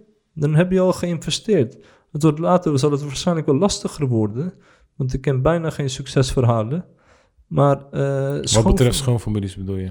Nou ja, schoonmoeders vooral om eerlijk te zijn. Dat is echt een uitdaging. Schoonmoeder is, maar dan hebben we het over zeg maar een... eh, een, een, een, een, een er is schoon- een bepaalde, met- hoe zal ik het zeggen, spanningsveld, wrijving tussen die vrouwen bedoel je, hè? Ja man. Niet, niet schoonmoeder, schoon, eh, niet schoonmoeder en dan, en, en dan de... Hoe heet het nou? Dan de man. Maar Nee. meer de schoonmoeder en, en de vrouw. Dat? Veelal wel. Ja. ja, dat is gewoon zo. Dat Ja, is gewoon toch? Dat is vaak zo. Dat is vaak. Maar dat doe je toch, vrouwen, broer. Jij komt, jij pakt haar zoon en je bent opeens weg met haar zoon. Ja, maar de moeder zegt toch ook altijd... ziet zij dat, hè? Ja, maar ja, sorry broer, maar de moeder zegt toch ook tegen haar zoon van... Ja, wees niet net zoals je vader. En dan is die, eh, eh, dan is die zoon heel goed. Voor een vrouw is het ook alweer niet goed. Ja, klopt. klopt. Ja, maar dat is ook zo. Klopt. Eh, vaak is er een wrijving tussen, tussen schoonmoeder en schoondochter. Ja, en dat is echt problematisch. En bemoeienis van schoonfamilie binnen een huwelijk van een ander... Mhm. Ja, dat heeft effect. Snap je? Want. Eh, ja, je kiest misschien wel je partner uit, als het niet gearrangeerd is natuurlijk. Mhm. Maar ja, je kiest, je krijgt wel jouw schoonfamilie mee. Ik vind, broer, zolang je, je, je vrouw gewoon eh, echt wel respect toont naar jouw ouders toe, Ja. dat vind ik wel heel belangrijk. En, en de, voor de rest, broer, er moet ook wel een beetje een gezonde afstand zijn, weet je. Je, weet, als, als, als, als, als, te veel, zeg maar... eh, je, je weet, bij ons oude systeem, Pakistanen, weet je, soms blijven die mannen thuis bij hun ouders wonen. En dan krijg je allemaal problemen thuis. Desnoods, vind, dat vind ik. Hè. Desnoods ga je, neem je gewoon twee huizen naast elkaar, ga je in dezelfde straat wonen of zo, als je zorg moet dragen voor je ouders, wat dan ook. ja, in Nederland, hoe makkelijk gaat dat niet toch? Maar wat wil je dan doen? Nou kijk, ik vind wel dat je gewoon voor jouw familie moet gaan zorgen. Sowieso. Ehm, maar waar het om gaat is wat jij heel goed zegt van oké, bepaalde mate van bemoeienis en afstand. Mhm. Je moet het zo zien ook. Je moet het van- balanceren, hè? Je moet Ja, maar balanceren. dat is heel moeilijk. Dat is moeilijk inderdaad. Maar ja, goed, Bijvoorbeeld, je moet... stel je voor, hè, jij bent een persoon die niet houdt van bemoeienis of dat de families eh, dagenlang met elkaar gewoon bellen en heel vaak bij elkaar gaan logeren. Dat jouw vrouw heel vaak bij je, bijvoorbeeld. Dat vind je niet leuk. Je hebt Dat, van, nee, ja. dat hoeft niet per ik se. geef, ja, ik geef een voorbeeld. Maar jouw vrouw is dan opgegroeid in zo'n environment dat ze gewoon heel hecht is met haar familie. Mhm. Snap je? En dat eh, hoeft een man bijvoorbeeld niet leuk te vinden. Die heeft zoiets van, ja, als je elkaar één keer per week ziet, is genoeg. Mhm. Snap je? Kijk, er is geen succesformule van omgang met de schoonfamilie. Mhm. het gaat erom van, het moet maar passen van dat jij het zo wilt... en dat je schoonfamilie het ook liever zo wil, dat je elkaar daarin tegemoet komt. Ja. Maar wat ik wel merk is bijvoorbeeld dat als eh, broeder en zuster gaan trouwen met elkaar... en een schoonfamilie van welke kant dan ook te veel praat, te veel zegt... Ja, Mhm. dat heeft gewoon effect op, eh, op het huwelijk. Een heel zwaar effect. Dat sowieso. En, en, en- en hoe meer bemoeienis er is, zeg maar, hoe, hoe groter het effect wordt. En daarom zeg ik ook, van, er moet echt een gezonde balans zijn tussen, tussen, schoonfamilie, tussen contact met schoonfamilie en je weet toch je eigen thuissituatie. Dus Klopt, maar een man moet daarin ook eh, dominant genoeg zijn. Een man en moet de lijnen groot- uitzetten. en dat is wat de broeders precies, niet klopt, doen. klopt, en als een broeder met een probleem komt, ja, eh, ze wordt, eh, weet je, haar worden dingen ingefluisterd door haar moeder. klopt. Mijn schoonmoeder is zus en zo. En mijn schoonvader blijft stil. Ja. Of mijn schoonzusje die denkt van ja, je verdient beter of bladibladibla. Oké, Ja, maar, maar- jij bent toch de man? Je kunt toch ook tegen jouw schoonfamilie zeggen. Daarom zeg ik ook van, wanneer iemand gaat trouwen, Mhm. hij moet eigenlijk heel goed nadenken. Eén, met wie hij trouwt. Wie haalt die soort van allemaal binnen? En hoe ga jij eigenlijk... Hij moet voorbereiding al treffen. Oké, met die communiceer ik zus. Met die com- communiceer ik zo. Om ervoor te zorgen dat jouw huwelijk gewoon heel sterk is. Maar die focus is er niet als je gaat trouwen. Dan denk je alleen maar aan haar. Snap je wat ik bedoel? Ja, maar je moet Maar- ook rechtvaardig blijven daarin. Kijk, bijvoorbeeld wat jij nu zegt, je, je kaart een heel goed punt aan. Dat de man een leidende rol moet hebben. Maar de man moet ook een leidende rol hebben in, in het oplossen van problemen als ze eventueel ontstaan. Dus daarin moet hij ook rechtvaardig zijn. Ja, Als de problemen komen vanuit zijn eigen ouders zelfs, Ja. weet je, dan moet hij zijn ouders eh, op een bepaalde respectvolle manier, zeg maar, ook, Ja. weet toch, een beetje richting sturen van, oké, weet je, van, dit is gebeurd, de situatie. Ik zie mensen knikken. Ja, Weet je? dit is de situatie. ja. Weet je van, eh, maar er is hier onrecht eh, gebeurd, zeg maar, tegenover mijn vrouw. Maar tegelijkertijd, zodat die vrouw zich ook veilig voelt bij jou. Tegelijkertijd, als je vrouw een, een, een fout begaat tegenover jouw ouders, dan moet je ook gewoon, weet je toch, tegen je vrouw kunnen zeggen van luister, dit, dit zijn mijn ouders. Begrijp je? Dat, Ja. dat is ook belangrijk. Begrijp je? Dus met je vrouw moet je leven, maar met je ouders, natuurlijk, zijn je ouders. Zeker. Begrijp je? Dus er moet wel een beetje een middenweg zijn, natuurlijk met alle respect, naar je ouders toe. Maar soms heb je geen oplossing, hè? Soms moet je gewoon balanceren. Hoe? Hoe doe je? Ja, soms moet je gewoon stil blijven en gewoon, eh, gewoon lachen en doorlopen. Denk je dat? Ja, broer. Nee, serieus. Soms Ik, is- misschien omdat ik die Want kijk, heb som- in meegemaakt. sommige dingen kun jij je moeder of je vader niet veranderen. Mhm. En je kunt je vrouw in bepaalde dingen ook niet veranderen. Ja, maar dat is goed. Maar, ik, maar je kan het in ieder geval wel bespreekbaar maken, toch? Je hoeft niet, zeg je hoeft niet stil om te blijven. Je kan gewoon, je kan gewoon bijvoorbeeld kan je gewoon zeggen van ja, dit is gebeurd, weet je. Ik probeer... Je kan Zo op- was ik altijd, hè? Ja. Zo was ik altijd. Maar bepaalde onderwerpen nu, hoe Mhm. ouder ik word, ik ontwijk ze gewoon. Ja, maar je hoeft... Die, ik, ik ben van mening dat je niet bijvoorbeeld niet eens, zeg maar... Je kan ze alleen maar... Alleen, alleen dan zeggen van... jullie hebben net een akkefietje gehad of wat dan ook, weet je. Van, Je weet toch van, eh, wees gewoon harmonieus, weet je. Het is gewoon goed met elkaar te zijn en dat soort dingen. Weet je, snap je? Om, om het gewoon zo zelfs te neutraliseren. Ik vind wel dat je in ieder geval iets moet gezegd hebben. Dat vind ik dan tenminste. Nee, iets wel. Als er iets gebeurt, dan moet je als man zijn er wel een rol aannemen van bemiddeling, vind ik zelf. Ja, klopt. Maar soms eh, lukt het gewoon niet. En dan weet je al van elkaar van... oké, dit is onze relatie. Hoe kunnen wij het erom willen van... enerzijds mijn zoon... en anderzijds de vrouw zegt mijn man. Hoe kunnen we de situatie gewoon laten zoals het is? Nee, echt waar. Ja, maar klopt. Nee, maar nee, nee, je kunt niet alles bespreekbaar maken... want dan ga je weer een beerput openen... van wat er allemaal is gebeurd. Maar dat is, dat, dat, dat is wat ik zeg. Je hoeft het niet bespreekbaar te maken. Kijk, bij sommige dingen, ik geef je gelijk. Vrouwen moet je niet zeggen van ja, kijk, eigenlijk deze situatie, eigenlijk had jij dit niet moeten zeggen, Juist. had je dat niet moeten. Dat zeg ik niet. Precies. Ik zeg alleen één ding. Het is gebeurd. Ja. Weet je, van, en, en we horen hier harmonieus te zijn, weet je. Het zijn jouw kleinkinderen, het zijn, het zijn jouw kinderen, weet je waar. Je begrijpt wat ik bedoel? Wat, wat ik bedoel? Dus dat je een bepaald eh, bemiddelend rol aanneemt, maar dan is dat je de probleem, het probleem niet weer heropent. ja. Maar dat je gewoon zegt van, joh, luister, weet je, van laten we het gewoon gezellig houden. Zoals ze het zeggen. Begrijp je? Is goed. Jawel, je, je hebt gelijk. Begrijp je? Je kunt het wel op een harmonieuze manier uitleggen... en proberen ervoor te zorgen dat de situatie wel bedaart. Ja. Dat het een beetje neutraliseert, begrijp je? Dat je die, Ja. die, die sharp edge, dat je dat eraf kan halen op een of andere manier. Vind ik zelf. Goed punt. Hè? Goed punt. Maar soms ontwijk ik het wel. Ja, ik, kan het ook wel begrijpen. Ik weet niet, ik weet niet, hoe- Nee, kijk, weet je wat het is? ik weet ik, niet ik hoe ben- het bij jou eraan toe gaat, broer. nee, ik ken een hele goede broeder. Nee, dit, dit is van een hele goede broeder. Ja, ja, precies. Oké, ja, ja. Vertel. Maar nee, het punt wat ik ook wil maken is van... eh, want je hebt ook een verplichting tegenover je ouders. Sowieso. Er is één, Sowieso. eh, één aya, welke gaat over de ouders, welke ik pas heel laat in mijn leven heb begrepen. En dit is mijn advies ook aan iedereen. Ja. Vergeet alles wat ik in de podcast heb gezegd of ooit zal zeggen, maar één ding is heel erg belangrijk. Mhm. En mogen Allah subhanahu mij daarin vergeven, is eh, het manier van communiceren naar jouw ouders toe. Maar broer, dat is... eh, ja. en het kijken naar jouw ouders toe. Snap je wat ik bedoel? Het belang van ouders op zich, weet je. Weet je, het woord of, snap je? Als we echt goed die aya willen gaan doornemen, echt goed moeten gaan begrijpen, dan moet je Heel heel, echt veel- heel gedisciplineerd Klopt. zijn. Klopt. Maar je hebt, je hebt heel veel mensen die in de problemen komen nu. Vanwege het feit van hoe ze met hun ouders omgaan. Zeker. En, Echt serieus. En Ik, daarom, ik meen het. Ik, ik vind het gewoon... zeg het je. Ik vind het gewoon belachelijk. ik, Ik, een zeg je jaar geleden naar mijn moeder toe gaan en zeggen, maar luister, sorry. Snap je? Eh, clean sheet. Sorry voor wat. Voor alles. Ja, dat is, dat is belangrijk. Voor alles. Je moet, het, je? je moet het om de zoveel tijd doen.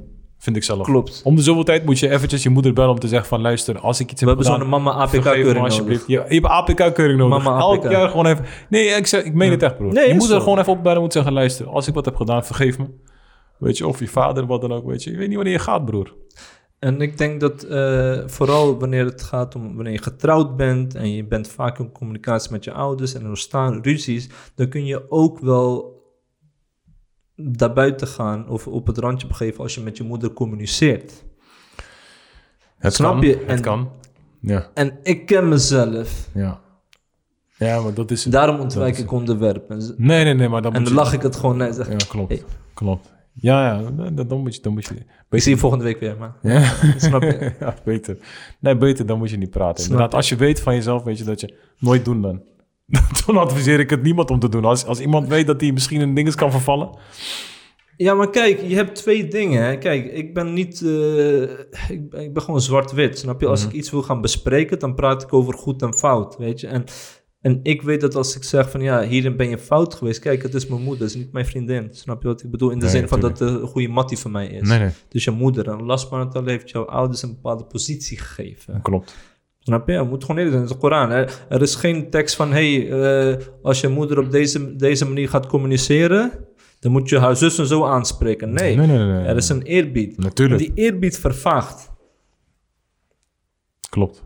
En Ja, ik wil dat die eerbied bepaald- weer terugkomt. En als ik... eh, hoe zal ik het zeggen? Als, dat, als die eerbied terugkomt en ik moet daardoor stil blijven... om die aya na te kunnen leven... Mhm. dan kies ik daarvoor. Dan zou ik eerder mijn vrouw geruststellen en zeggen van... oké, hierin moeten wij gewoon sabber tonen. Mhm. Mhm. Ja, wel mee eens. Ja. Zeker weten, man. Dat is, eh, dat is één ding waar ik ook niet tegen kan bij, bij mijn kinderen. Als, zij, eh, eh, als, ze- als ze richting brutaliteit al gaan naar hun moeder toe, Ja. dan flip ik hem thuis. Ja. Dat is- dat is ik echt ook thuis. Ik kan veel tolereren, veel accepteren. Maar zodra ze bij hun moeder, zeg maar, weer toch een, een gezicht trekken of zo. Broer, dan, dan heb je het echt. eh, Want, want de, de positie van een moeder is zodanig binnen de islam, de vrouw, dat je eigenlijk, je, je- weet je, er is geen ruimte daarvoor. Er is geen ruimte voor, want zij, wat zij doet voor de kinderen, broer. Klopt. Dat, en dat is hetgeen wat mij nog bozer maakt dan op dat moment. Van Ja. hoe durf jij bijvoorbeeld naar, naar je moeder op die manier te kijken? Ja, nee, maar dat heb ik ook gehad. Vaak. eh, maar eh, mijn vrouw zegt van, dit is niks. Het is maar nu dat jij er bent. Eh, Ja, maar dat, ja, ik ken de dan blik- gebeurt ook. hè? Ja, maar ik Dan weet, ook. ja, ik weet, eh, Dan ik- gaan ze ik, tekeer herken de blikken van mijn kinderen natuurlijk als ze gewoon, eh, ja, Ja. heel denigrerend eh, blikken tonen. Ehm, Maar dan moet je gelijk, je moet het gelijk adresseren. Je moet het oh gelijk yeah, aanpakken. Believe Ja. me. Nee, Ja, zeker. nee, maar dat is het, weet je. Kijk, het begint vanaf kleins af aan eigenlijk al, weet je. Dit is, dit is, Oh nee, die opvoeding... eh, ik weet niet wat er in het eten zit tegenwoordig, waardoor die kinderen zo zijn. Nee, het heeft niks met eten te maken. Het gaat om een, eh, dat de maatschappij mondiger wordt. Ja. Dat, eh, dat, je, dat je wordt geleerd om je eigen mening te geven. Het is Dit niet is educatieve... Ja, sys- nou ja, het is zeker niet slecht in bepaalde gevallen. Ik zeg altijd dat kinderen voor hunzelf moeten opkomen... en dat ze gewoon eh, hun woord klaar moeten hebben zijn. Zo train ik ze ook, ik drill ze ook. En eh, als, ze, als ze problemen krijgen op school... ik luister naar hun verhaal. Eh, tegen de juffrouw zeg ik natuurlijk van... ja, ze moet zich aanpassen, dit en dat. Maar thuis zeg ik van, nee, goed gedaan. I'm about that life. Mhm. Uh, maar wanneer het gaat om ouders, dus als je je kinderen ook gaat trainen om zelf, zelfstandiger te worden en om uh, gewoon duidelijk uh, met argumenten naar voren te komen, diezelfde mentaliteit passen ze dan ook toe op hun moeder. Snap je wat ik bedoel? Ja, maar, maar nee, of, of zuchten, dit en dat. Dus zij weten nu niet meer wanneer zij brutaal zijn en wanneer ze voor hunzelf opkomen. Mhm. Ja, ja, klopt. Ja, daarom, daarom is het ook zo belangrijk, broer, om het, om het echt in de kinderen te, te prenten, man. De positie van de ouders. Het is gewoon belangrijk, man. Snap je? Ja. Ik zeg niet dat ik het goed uitvoer, maar het, uh, ik heb het wel later in mijn leeftijd, uh, in mijn, weet je, later pas, uh, mm. veel later pas gerealiseerd. Ja, maar en, en de kinderen kijken ook naar hoe jij met je ouders omgaat. Ja. Ze kijken daar echt naar. Hoe je het ook bent. Ja. Ik was me daar niet bewust van, maar ja. Langzamerhand zeg maar, heb ik wel echt gezien zeg maar, dat mijn dochters gewoon echt kijken naar hoe ik met mijn moeder communiceer. En hoe ik omga met mijn, do- met mijn moeder en dat soort dingen. Weet je. wel. Ze, ze kijken er wel echt naar. Mooi. Mogen we dat makkelijk maken voor ons? Ja, nee, nee, voor En dat iedereen. wij goed iedereen. omgaan met onze schoonfamilie en dat we onze schoonfamilie ook zien als familie. Dat wij hun ook zien eh, als iets wat ons heel veel voordeel kan brengen en ons dichter bij Allah subhanahu kan brengen. Ja. En ik zeg vaak van als, ehm, als je een relatie met iemand moet gaan opbouwen, dat betekent dat je in het begin ook zelf heel veel invloed in die relatie hebt. Of het nou met je schoonmoeder of schoonvader of schoonbroertje of zwager of whatever is. Ja, Maar het gaat erom van jij kunt in het begin vooral een verschil maken.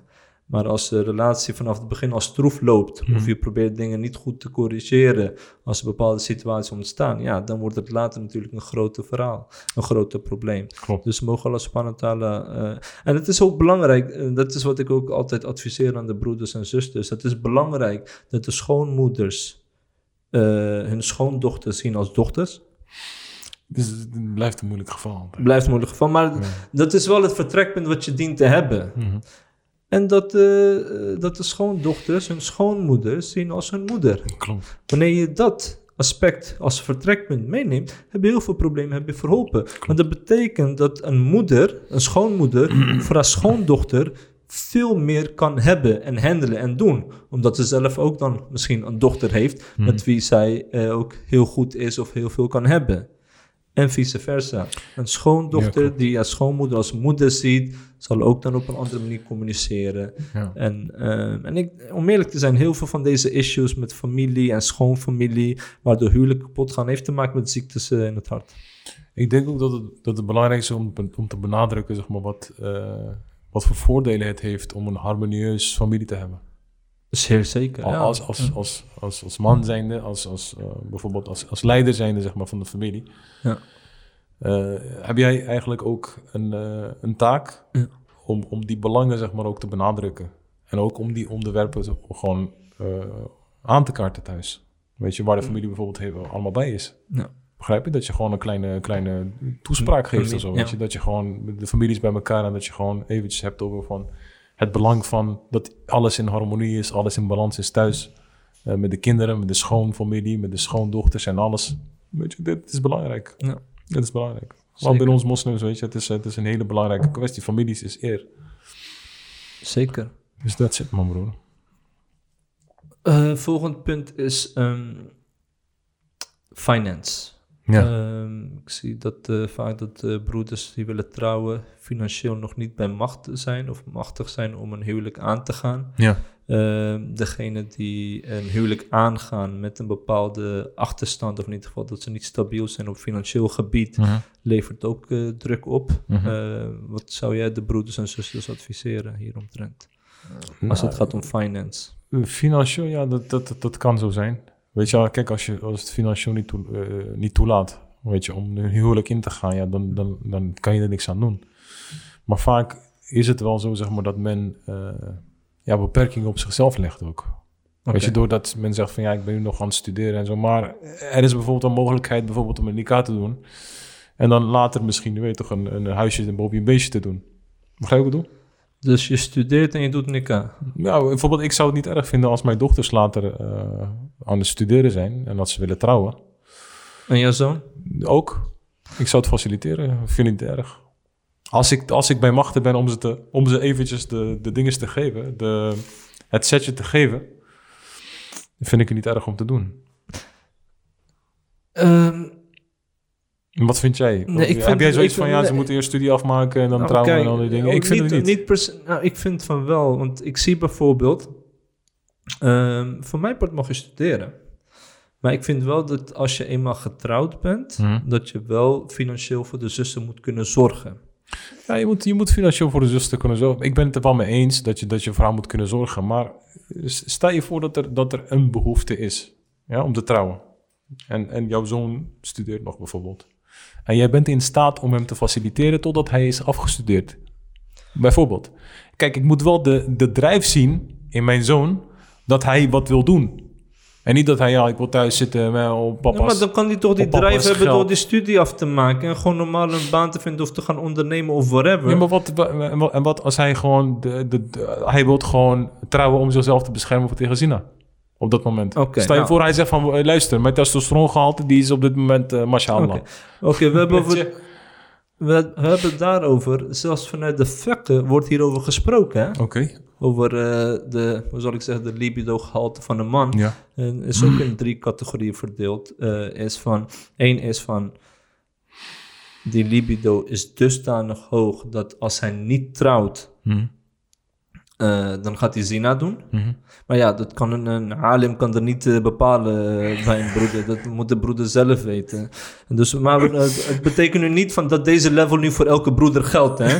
Dat ze dit nu als argument gebruiken. dit gebruiken als Ja. argument. Maar Rachie, morgen ga ik zin doen. Ik moet niet trouwen. Nee, nee, nee. nee. En je hebt een, eh, een, een, eh, een status eh, welke is van oké, eh, libido is hoog. Ja. En van oké, dat het gewoon een eh, average eh, ja, neiging, dat je een average neiging hebt. Mhm. Niet echt schadelijk. Dus daar wordt ook vanuit de dien wordt ernaar gekeken. Ehm, als bij mijn zoon bijvoorbeeld het geval zou zijn dat hij tot de categorie nummer 1 behoort, ehm, Maar dan moet hij wel heel snel naar mijn mening ertoe gaan werken. En ik vind het niet eens erg dat hij zegt van... oké, ik stop met studie, ik ga fulltime werken zodat ik kan trouwen. Mhm. Don't get me wrong. Maar ik vind het financiële aspect heel erg belangrijk, omdat het vaak om finance draait. Bijvoorbeeld, ik zou het moeilijk vinden als iemand naar mijn dochter toe zou komen en zeggen van ik wil met jou trouwen, maar ik, heb het, eh, ik ben financieel nog niet bij machten. Mhm. Want we leven nu ook een tijdperiode dat je niet te maken hebt per se met jongeren die financieel niet bij machten zijn, maar wel heel erg volwassen zijn.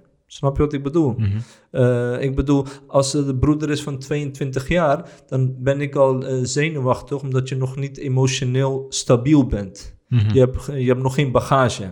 Mhm. Oké? Maar stel je voor, je bent 30 jaar en je bent niet financieel bij machten. Ja, dan bedenk van, oké, hoe Nee, ben je tot dat- deze punt gekomen? Ja, ik- Tuurlijk. Ik heb het nu meer over. Ik, ik heb het persoonlijk nu meer over als ze heel jong zijn nog. Nee, nee, weet ik. Ja. Dus, maar waar het nu om gaat is van het financieel... 30 jaar en dan-. Snap je? Dus, Ja. Maar ja, bij 22 vind ik jezelf dan ook niet volwassen van, hey, get a grip.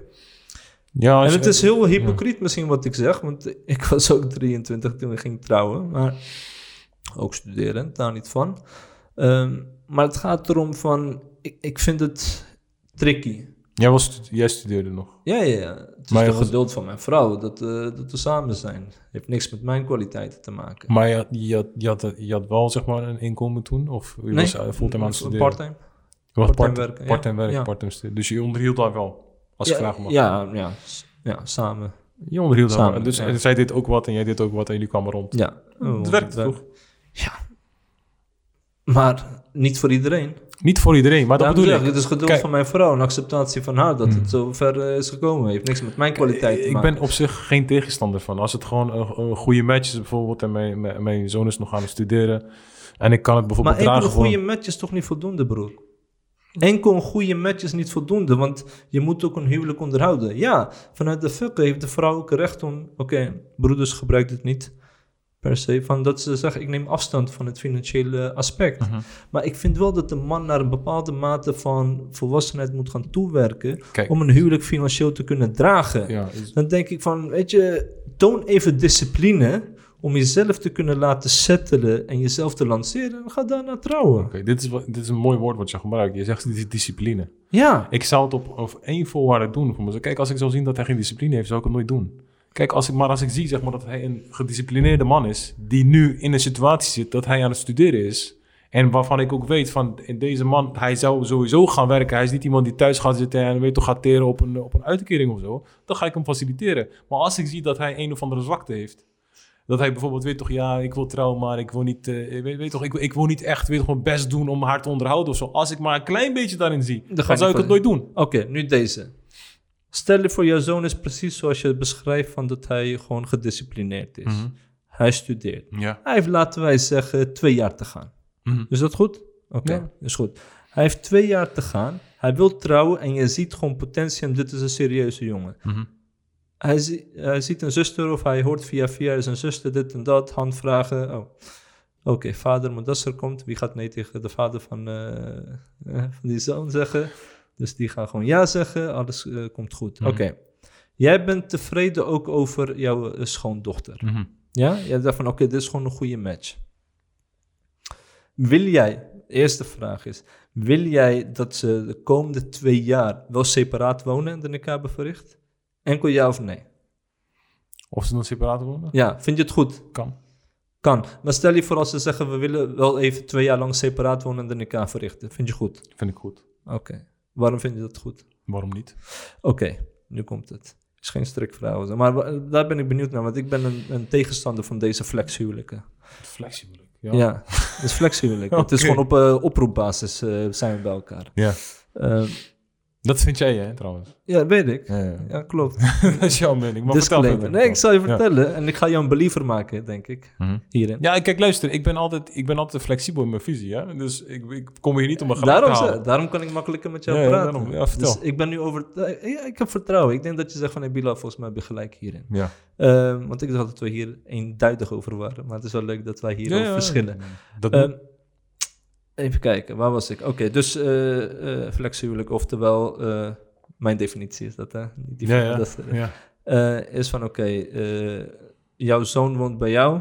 Mhm. zijn vrouw woont bij haar eigen ouders. Ze hebben beide, of hij heeft nog twee jaar te gaan met zijn studie. Eh, ze hebben de nikah verricht. Oké. Jij weet als geen ander wat er in die twee jaar kan gebeuren. Ook al hebben jullie met elkaar een afspraak gemaakt van oké, de komende twee jaar gaan ze niet eh, bij elkaar eh, wonen in die zin. Van dat ze samen een huis nemen, omdat, ze aan, omdat de broeder aan het studeren is. Ja. De zuster kan het op den duur ook moeilijk vinden, Wat? deze verhouding. De zuster kan ook vragen en zeggen van joh, ik hou het niet vol. Stop met studeren of we moeten eh, het samen gaan doen. De ouders kunnen klagen van hé, wat is dit? Dan blijft de studie blijft dan achterwege. The Ja, guy gotta make a move now. Ja, dus jouw huwelijk begint dan met zo'n druk en zo'n pressure. Het begint vanaf min 5. Maar kijk, daar kiezen ze zelf voor. moment. Kijk, je- je- de dingen die jij nu aankaart, Ja. tuurlijk worden die besproken. Voordat, voordat, mij, voordat ik mijn zoon zou faciliteren, tuurlijk zou ik die bespreken met hem. Het is niet zo dat ik zou zeggen van oké, maar dat geloof ik wel van jou. Ja. Daar geloof ik 100% in.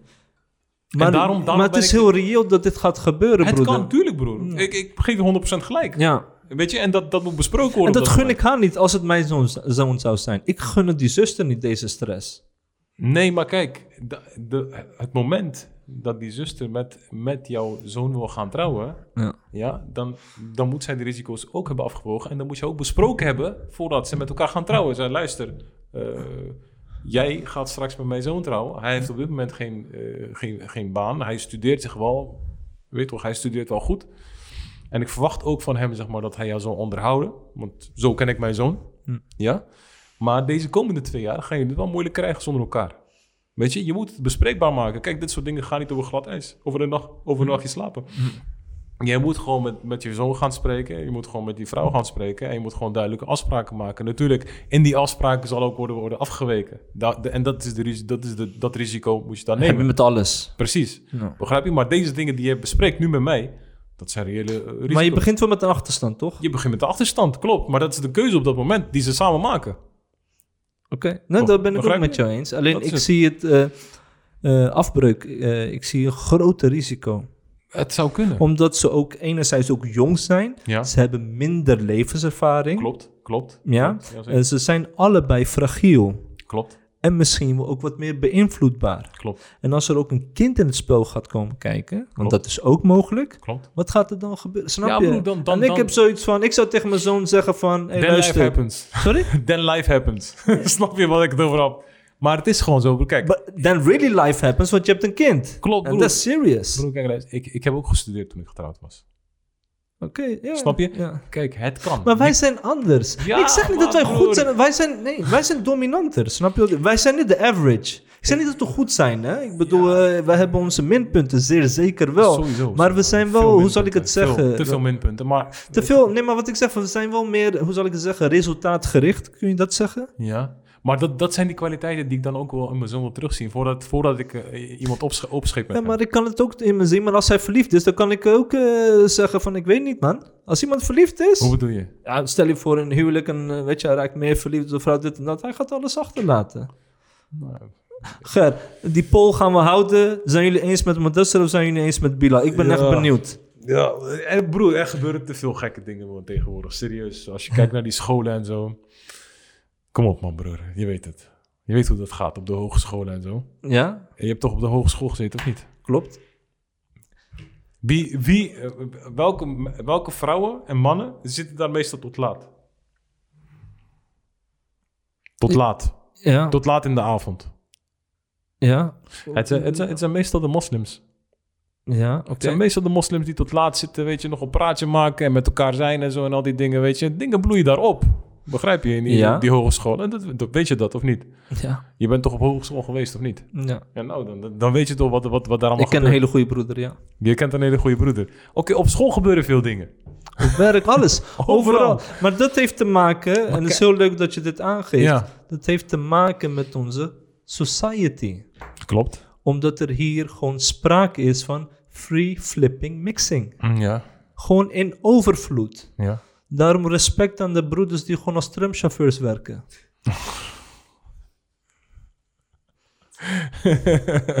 gewoon deurtje dicht. Kaartjes bij de automaat. Geen communicatie. Geen mixing, niks. Gewoon lekker. Snap je wat ik bedoel? Broer. Wat ik probeer Kijk, aan te geven is van... Het gaat om... Vanaf dag één dat je de peuter- en de kleuterklas ingaat... Oké, vanuit islam is dat eh, op zich allemaal mogelijk. Maar basisschool, middelbare school, hogeschool, universiteit, werk... Jij bent gewoon aanwezig en je hebt contact met het andere geslacht mhm. in veelvoud. Nou, dan kom je thuis of eigenlijk al op werk, op school, heb je telefoon. Dus jij bent bereikbaar voor iedereen in eh Western Samoa, Haiti of eh, Marrakesh, noem Klopt. maar op. Snap je wat ik bedoel? Dus hoe vaak je in deze society begeeft, des te groter de kans is dat je in contact komt met veel mensen, dat het gewoon eh, raak kan zijn. Ja, Ja, Klopt. dus dat zorgt ervoor dat er een, een vertroebelde situatie kan ontstaan, omdat er gewoon heel veel vrije, open communicatie is. mhm. klopt. Klopt. Dus ja, dus mensen kunnen verliefd raken. Klopt? Nee, maar dat is ook zo. En dat, en dat is ook de reden zeg maar, waarom ik zeg dat ik minder moeite zou hebben om te beschermen tegen dat soort dingen. Begrijp ik bedoel? Dus minder, minder moeite zou hebben zeg maar, om mijn- mijn, mijn dochter of mijn, mijn zoon te faciliteren in een huwelijk zeg maar, waarbij ze nog aan het studeren zijn. Waarbij ze nog aan het studeren zijn. Ik heb een regel, hè. Als iemand de hand komt vragen van mijn dochter, Ja. is een regel. Ja? Mijn boys weten het, volgens mij heb ik het jou ook verteld. De broeder komt bij mij thuis. Ik zeg niks tegen hem, behalve luister, jij en ik, wij gaan op vakantie. Oké? Wij gaan twee weken op vakantie. is een goeie. Drie keer raden wie je gaat betalen. Ik ga, wij gaan op vakantie. Drie keer raden wie gaat betalen. Ja. wij gaan op vakantie. Ja. Ik zeg het je eerlijk, het wordt geen bootcamp. Mhm. Het wordt niet eens een eh, interrogatie. Mhm. Niks, ondervraging, whatever. Gewoon chillen, praten, dit en dat. Ja. Na die twee weken, ik zeg tegen mijn dochter, dit is mijn analyse. Mhm. Als je alsnog ja zegt, ik ga jou steunen, ook al heb ik een negatief advies gegeven. Ja. Klaar. Want dan heb ik als vader zijnde mijn best gedaan. Ja. Snap je? Want ik eh, ben ervan overtuigd dat eh, dingen kunnen gebeuren ja, in het Westen voor een moslim. eh levend in deze maatschappij. Dus ik ben daar ook wel op voorbereid. Ja. Maar de situ- situatie wat je aangeeft is over iemand die studeert en wilt gaan trouwen. Ja. Een huwelijk is een hele heilige pact. Ja. Ehm, en een scheiding heeft een groter effect later op individuen Mhm. en op families die erbij betrokken zijn. En ik heb zoiets van, als mijn zoon in zo'n situatie is, ook al vind ik hem geschikt, ook al vind ik dat hij over twee jaar er kan staan, Mhm. en ik vind de zuster ook geschikt, ze heeft karakter, ja, toon gewoon even discipline de komende twee jaar. That's it. Ja. Ja, voor mij is dat wel anders, man. Kijk, als ze het echt willen en ik zie dat, dat allebei, de, allebei de partijen gewoon welwillend zijn om het, eh, om het door te Ja. trekken, tijdens de studie zelfs, dan zou ik het niet erg vinden. Oké. Ander onderwerp. Hm. Eh, dit gaat om de broeders en zusters die eh, willen trouwen en ze moeten gesprekken gaan voeren met Ja. elkaar. Hun voorbereiding. Hoe, wat voor adviezen zou jij aan hun geven?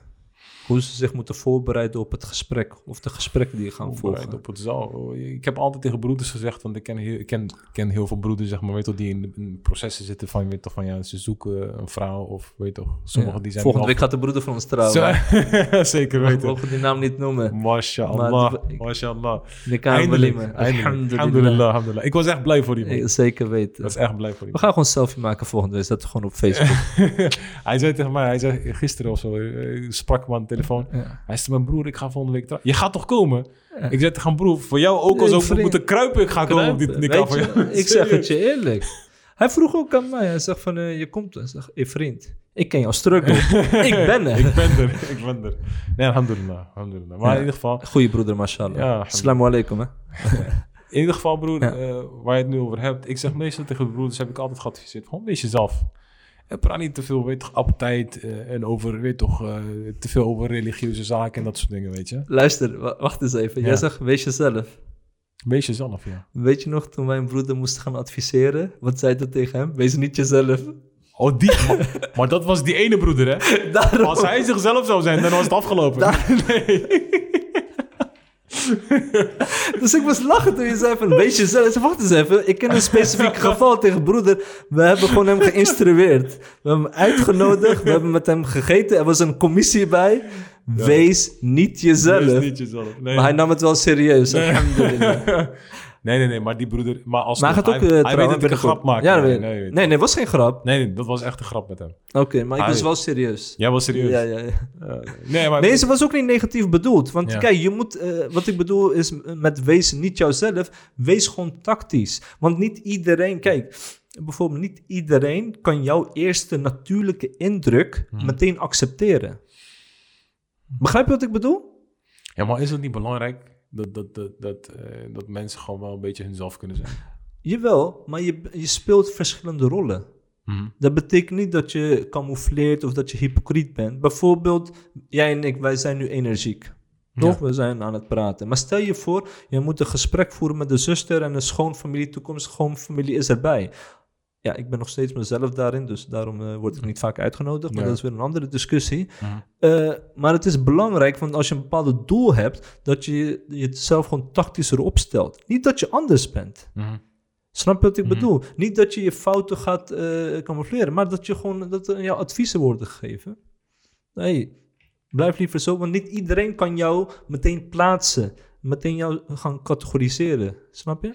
Dus daarom, ja, dat is mijn advies. Dus wees wel jezelf, Mhm. maar let erop dat je nu in een andere setting bent, zodat je je anders gaat bewegen, maar dat je wel tot jezelf blijft. Ja, kan ik me ook wel weer vinden. Ja, maar wees vooral jezelf. Maar je. wees vooral jezelf. Ja. Ja. dat vind ik wel, man. Ik vind niet dat je het heel erg strak moet maken of zakelijk moet maken of wat dan ook. Begrijp je? Ja. Want sommige broeders gaan er heel zakelijk in en ze hebben een lijstje van wensen soort van. Weet je? Dan heb ik dus van... Begrijp je? je doe, doe gewoon wat rustiger aan, weet je. Doe, Ja. doe gewoon wat... Hou het gewoon wat vrijer. Begrijp je? Wees gewoon jezelf in die zin, zeg maar. Dat je gewoon meer vraagt over de karakter van de persoon. Wat wij vorige keer ook... eh, waar, we, waar we het vorige keer ook over, over hebben gehad. Van, je- je, vraagt gewoon misschien van hoe vind je, waar, hoe kijk je hier tegenaan, daar tegenaan. Weet je, je hoeft niet continu over religie te gaan of continu over de politiek te gaan of wat dan ook. Weet je, Want je hebt je overtuigingen, maar hou het een beetje relaxed.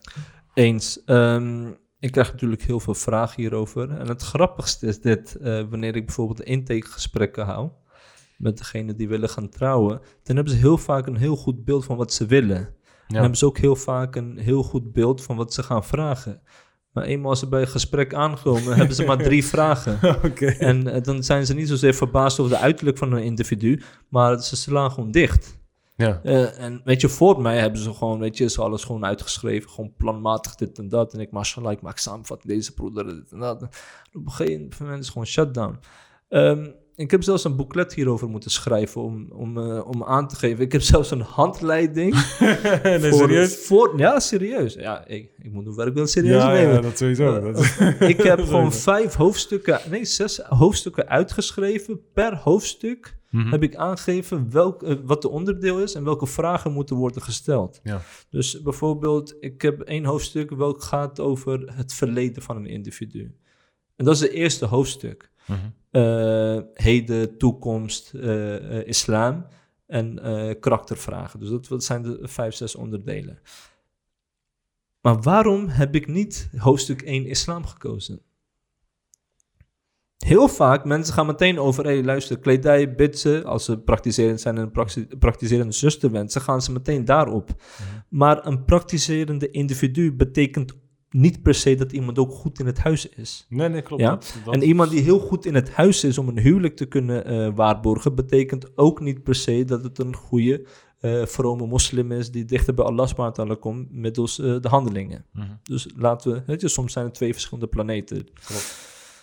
Zeker wel, ja. Nee, klopt. Maar waarom zeg ik van praten over het verleden? Dat betekent niet van oké, wat heb je allemaal gedaan en eh geflikvlooi of eh, criminaliteit. Eh, nee, ik heb het niet daarover. Ik, wil, ik zou willen weten, ik ben getrouwd, maar ik zou heel graag willen weten, stel je voor als ik in die positie was van oké, in welke omgeving ben je opgegroeid? Mhm. Hoe was jouw leven middelbare school? Hoe was jouw familie met jou? Mhm.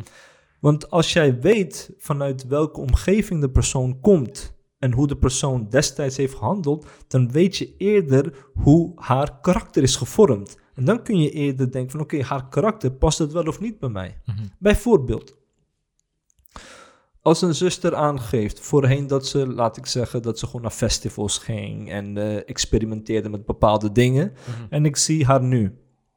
En ik zie dat ze dat echt achterwege heeft gelaten, dat ze daar een bepaalde visie over heeft. Dan weet ik dat ze die ervaring heeft meegenomen. Ja. Betekent niet dat ze weer terug kan komen, maar ze heeft die ervaring. Dan denk ik van oké, past haar ervaring bij mij? Kan zij dan een meerwaarde zijn voor mij eh, en mijn kinderen eventueel? Snap je wat ik bedoel? Dus verleden is voor mij heel belangrijk, want dat heeft haar gevormd. Dat is een resultaat van nu, van het heden. Wat vind jij? Ik ben het met, met, je, met je eens, inderdaad. Wat dat betreft. Dat, eh, ja, daarom zeg ik ook van, weet je toch, je kan het heel erg eh, religieus maken, zeg maar, zo'n zo'n conversatie. Maar weet je toch, je, je komt niet achter de persoon. Juist. Je komt niet achter de ware karakter of de ware... eh, je, je krijgt geen goed beeld, zeg maar, van hoe de persoon zal zijn in een huwelijk. Klopt. Begrijp je? Dus, eh, en het heeft wel veel meer waarde om meer te vragen over van, joh, wat heb je allemaal meegemaakt bijvoorbeeld? Dan dat je bijvoorbeeld, niet zozeer zeg maar, weet toch welke zondes heb je allemaal begaan, maar Nee, wat heb je meegemaakt? Weet je, waar kom je vandaan? Juist. Dat is het belangrijkste wat er is bij een persoon inderdaad. Ja, en ik vind dat gewoon heel belangrijk. En dat je gewoon elk gesprek ook eh, doelen vaststelt. Van oké, dit zijn de fundamentele vragen voor het eh, eerste gesprek. Dat moet ik gewoon weten om te kijken of er wel een vervolg dient te komen of niet. Klopt. Klopt, helemaal waar man. Ik kan niet meer met je eens zijn op dit, eh, op dit, op dit punt. Maar er zijn punten waar we niet over eens zijn geweest vandaag. En dat is goed. Maakt niet uit. Dat is goed. Andere dingen, wat kun je ze nog meer adviseren behalve eh, wees jezelf en praat eh, eerst over het verleden. Be- eh, die, die broeders die willen trouwen, bedoel je? Ja, ik, ik weet het niet, maar er is, er is, er is nu een, een, hele een hele andere manier van, zeg maar, naar een vrouw zoeken of wat dan ook, dan in mijn tijd, man. Het was echt, eh, was anders, man. Vertel. Ja, ik weet het niet, nu hebben ze toch die apps en zo ook. Oh, die. Ja, Oh, die ja. gekke apps hebben ze nu. en zo. Hoe is dat? Mos, Mosmatch. Mosmatch. Je bent getrouwd, hè, broer? Hoe weet je dat, broer? Zullen we zijn naam even noemen hier? nee, nee, nee, nee. Moesmatch, nee. Ja, Inderdaad, je hebt die app dan Moesmatch. En eh, ja, d- d- dan moeten, wat moeten ze precies doen? Swipe of zo? Ja. Een swipe uh, gevalletje of zo? Ja, ja, nu weet je veel meer. Ja. nu weet je veel. so they say. Nee, maar het gaat erom... Ja, je hebt Nee, maar het is anders nu, hè? Het is nu anders, zeg maar. Ja. Je weet toch, vroeger was het anders. Je weet toch, je... je ja, je... Ja, hoe heb ik het toch toen? Vroeger was het anders, klaar. Je weet toch? Hij gaat niks knippen, Achie. Jij Dus toch? hij gaat niks knippen. Dus vroeger was het anders. gewoon. Discipline, discipline. Saved you, though. ja, zeker weten. Ehm, en kijk, dat mismatchen, ik bedoel, het is gewoon een duimtraining, snap je? Je gaat gewoon zo Ja, ja, ja. swipen ja, ja, telkens. Ehm, en zo zie je maar weer wat de eerste punt is wat belangrijk is, is natuurlijk uiterlijk. En dan verder gaan en charisma. Ja, ja, Dus er wordt op een heel... Omdat het, eh, hoe zal ik het zeggen? Ehm, ja, alles moet gewoon heel snel. En, Snel. eh, ja, dat is, en, dat is ja, gek. Alles moet En, snel eh, gaan en nu toch. En, Mensen hebben gewoon geen discipline. Nee, Echt. maar er is ook... Blijkbaar is er ook meer aanbod of zo. Is dat zo? Ja, nou, er is meer aanbod omdat je gewoon toegankelijk bent. Je kunt elkaar sneller bereiken. snap je wat precies, ik bedoel? precies. Dus ik bedoel, is- vroeger, ik bedoel, eh, toen er geen internet was of whatever, en eh, je bent geboren in een dorp, je moest maar, eh, ja, je waren twee, drie eventueel. En zelfs daar mocht je niet in de woonkamer zitten omdat er een meisje zat. maar, ik, ik zie, bedoel? ik zie daarom dus weinig wel- keus, ja. Klopt. Maar ik zie daarom, daarom ook wel dat er een bepaalde besluiteloosheid is bij de broeders en zusters. Begrijp je? Ja. Dat er ook, zeg maar, zeg maar meer keus is. Ja. In, in, in een relatief korte tijd kunnen ze zoveel contacten leggen, zeg maar, dat ze opeens niet meer weten van wat ze willen. Zo Ja. van, ja, maar daarna is, omdat je in veelvoud contacten kan leggen, ja. ja, betekent ook dat er in veelvoud kan worden getrouwd. Mhm. En als er in veelvoud kan worden getrouwd, is de kans ook groter dat er een eventuele scheiding plaatsvindt, omdat alles niet doordacht is. Van dat ik zei, moet je per se jong gaan trouwen, weet je. Dan zorgt ervoor als een zuster al op 22-jarige of 23-jarige leeftijd, eh, leeftijd gescheiden is, Mhm. ja, dan gaan mensen daar ook vragen over stellen. Snap je wat ik bedoel? Mhm. Dus dat zorgt gewoon voor bepaalde problemen. Dus ik vind wel dat een bepaalde emotionele stabiliteit dient te zijn Ja, een financiële stabiliteit dient te zijn om een huwelijk te kunnen dragen. Maar terugkomend op, eh, op de keuzes, ja, die zijn er. Zijn er heel veel, zeker weten. Ehm, even kijken. Dus ja, voorbereiding, waarom nog op? Een voorbereiding, ja, dat is, ik, ik weet het niet, man. Tegenwoordig is het zo man, allemaal, allemaal een beetje dingen, maar ge- gehaast, snel, snel. Ja, maar zijn die apps, eh, zijn, is, is dat nou een aanwinst of niet? Ik weet niet, als ik, als ik kijk naar hoe- hoeveel er uiteindelijk trouwen via, eh, via zo'n app. Ik, ik heb tot nu toe niet gehoord dat er iemand via een app, eh, app is getrouwd. Ja, maar vroeger had je chats of whatever of MSN Ja, of vroeger had je chats, maar nu op dit moment, ik weet het niet, man. Ik, ik, zie- ik zie juist heel veel broeders, zeg maar, die, die heel laat trouwen. Die al lang op zoek zijn. Ja, Ja. oké. Zie je dat niet? Ehm, ja, Merk je ik, daar ik niks van? zie verschillende categorieën. bedoel- dus ik ik zie niet dat er een hè? bepaalde categorie echt uitsteekt. Ja.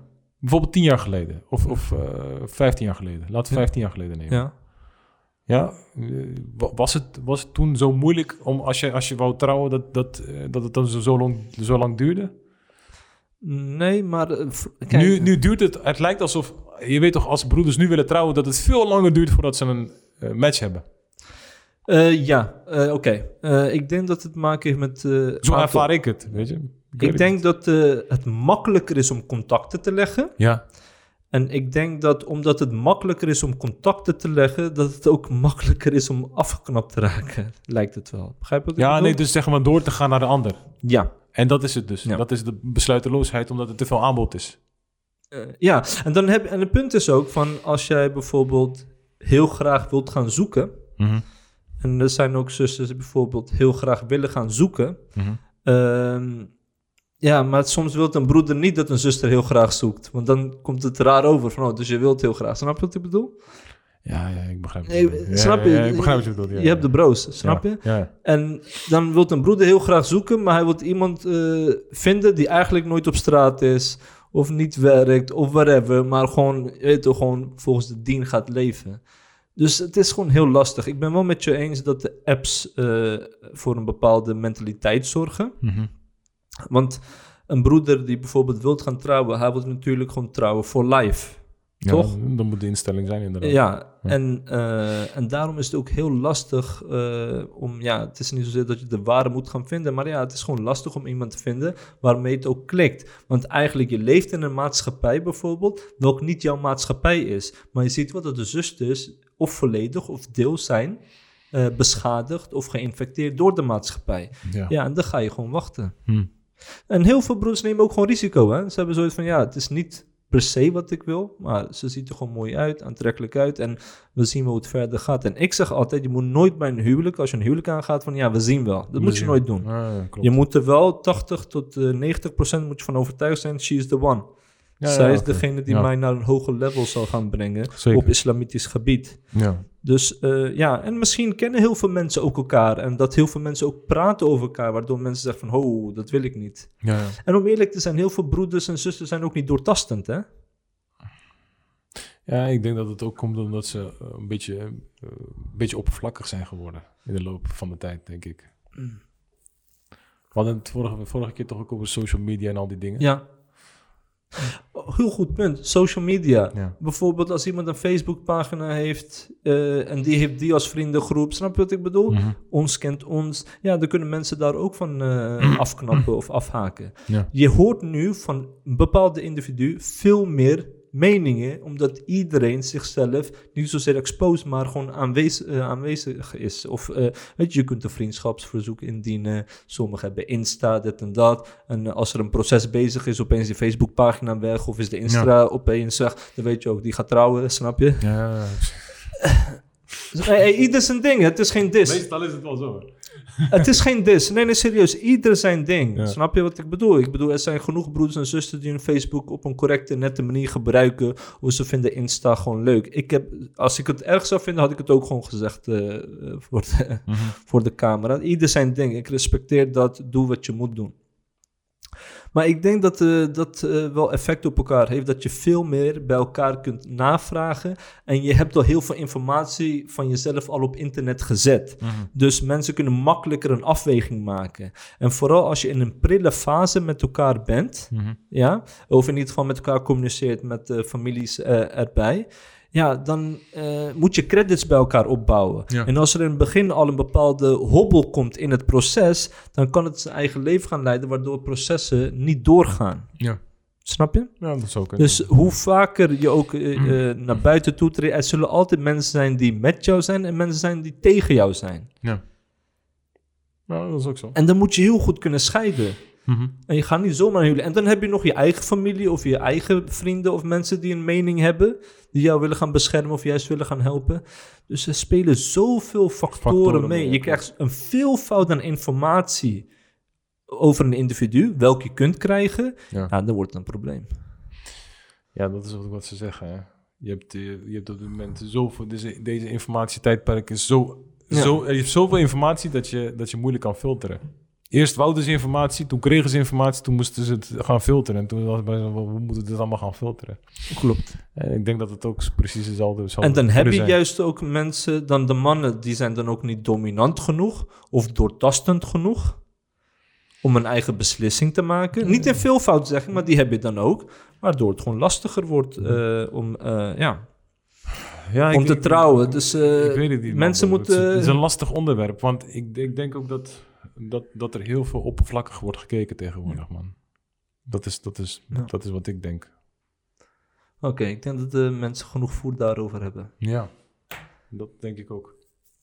Andere etniciteiten, Ja, verschillende etniciteiten. ja. die met elkaar trouwen. Voorheen was het veelal eh, binnen eigen familie, eigen stam, of zolang ze dezelfde etniciteit hebben. En nu zie je dat er eh, hè, op een andere manier, eh, een, Ja, op een halal manier freemixing plaatsvindt. Je, je ziet het, hè.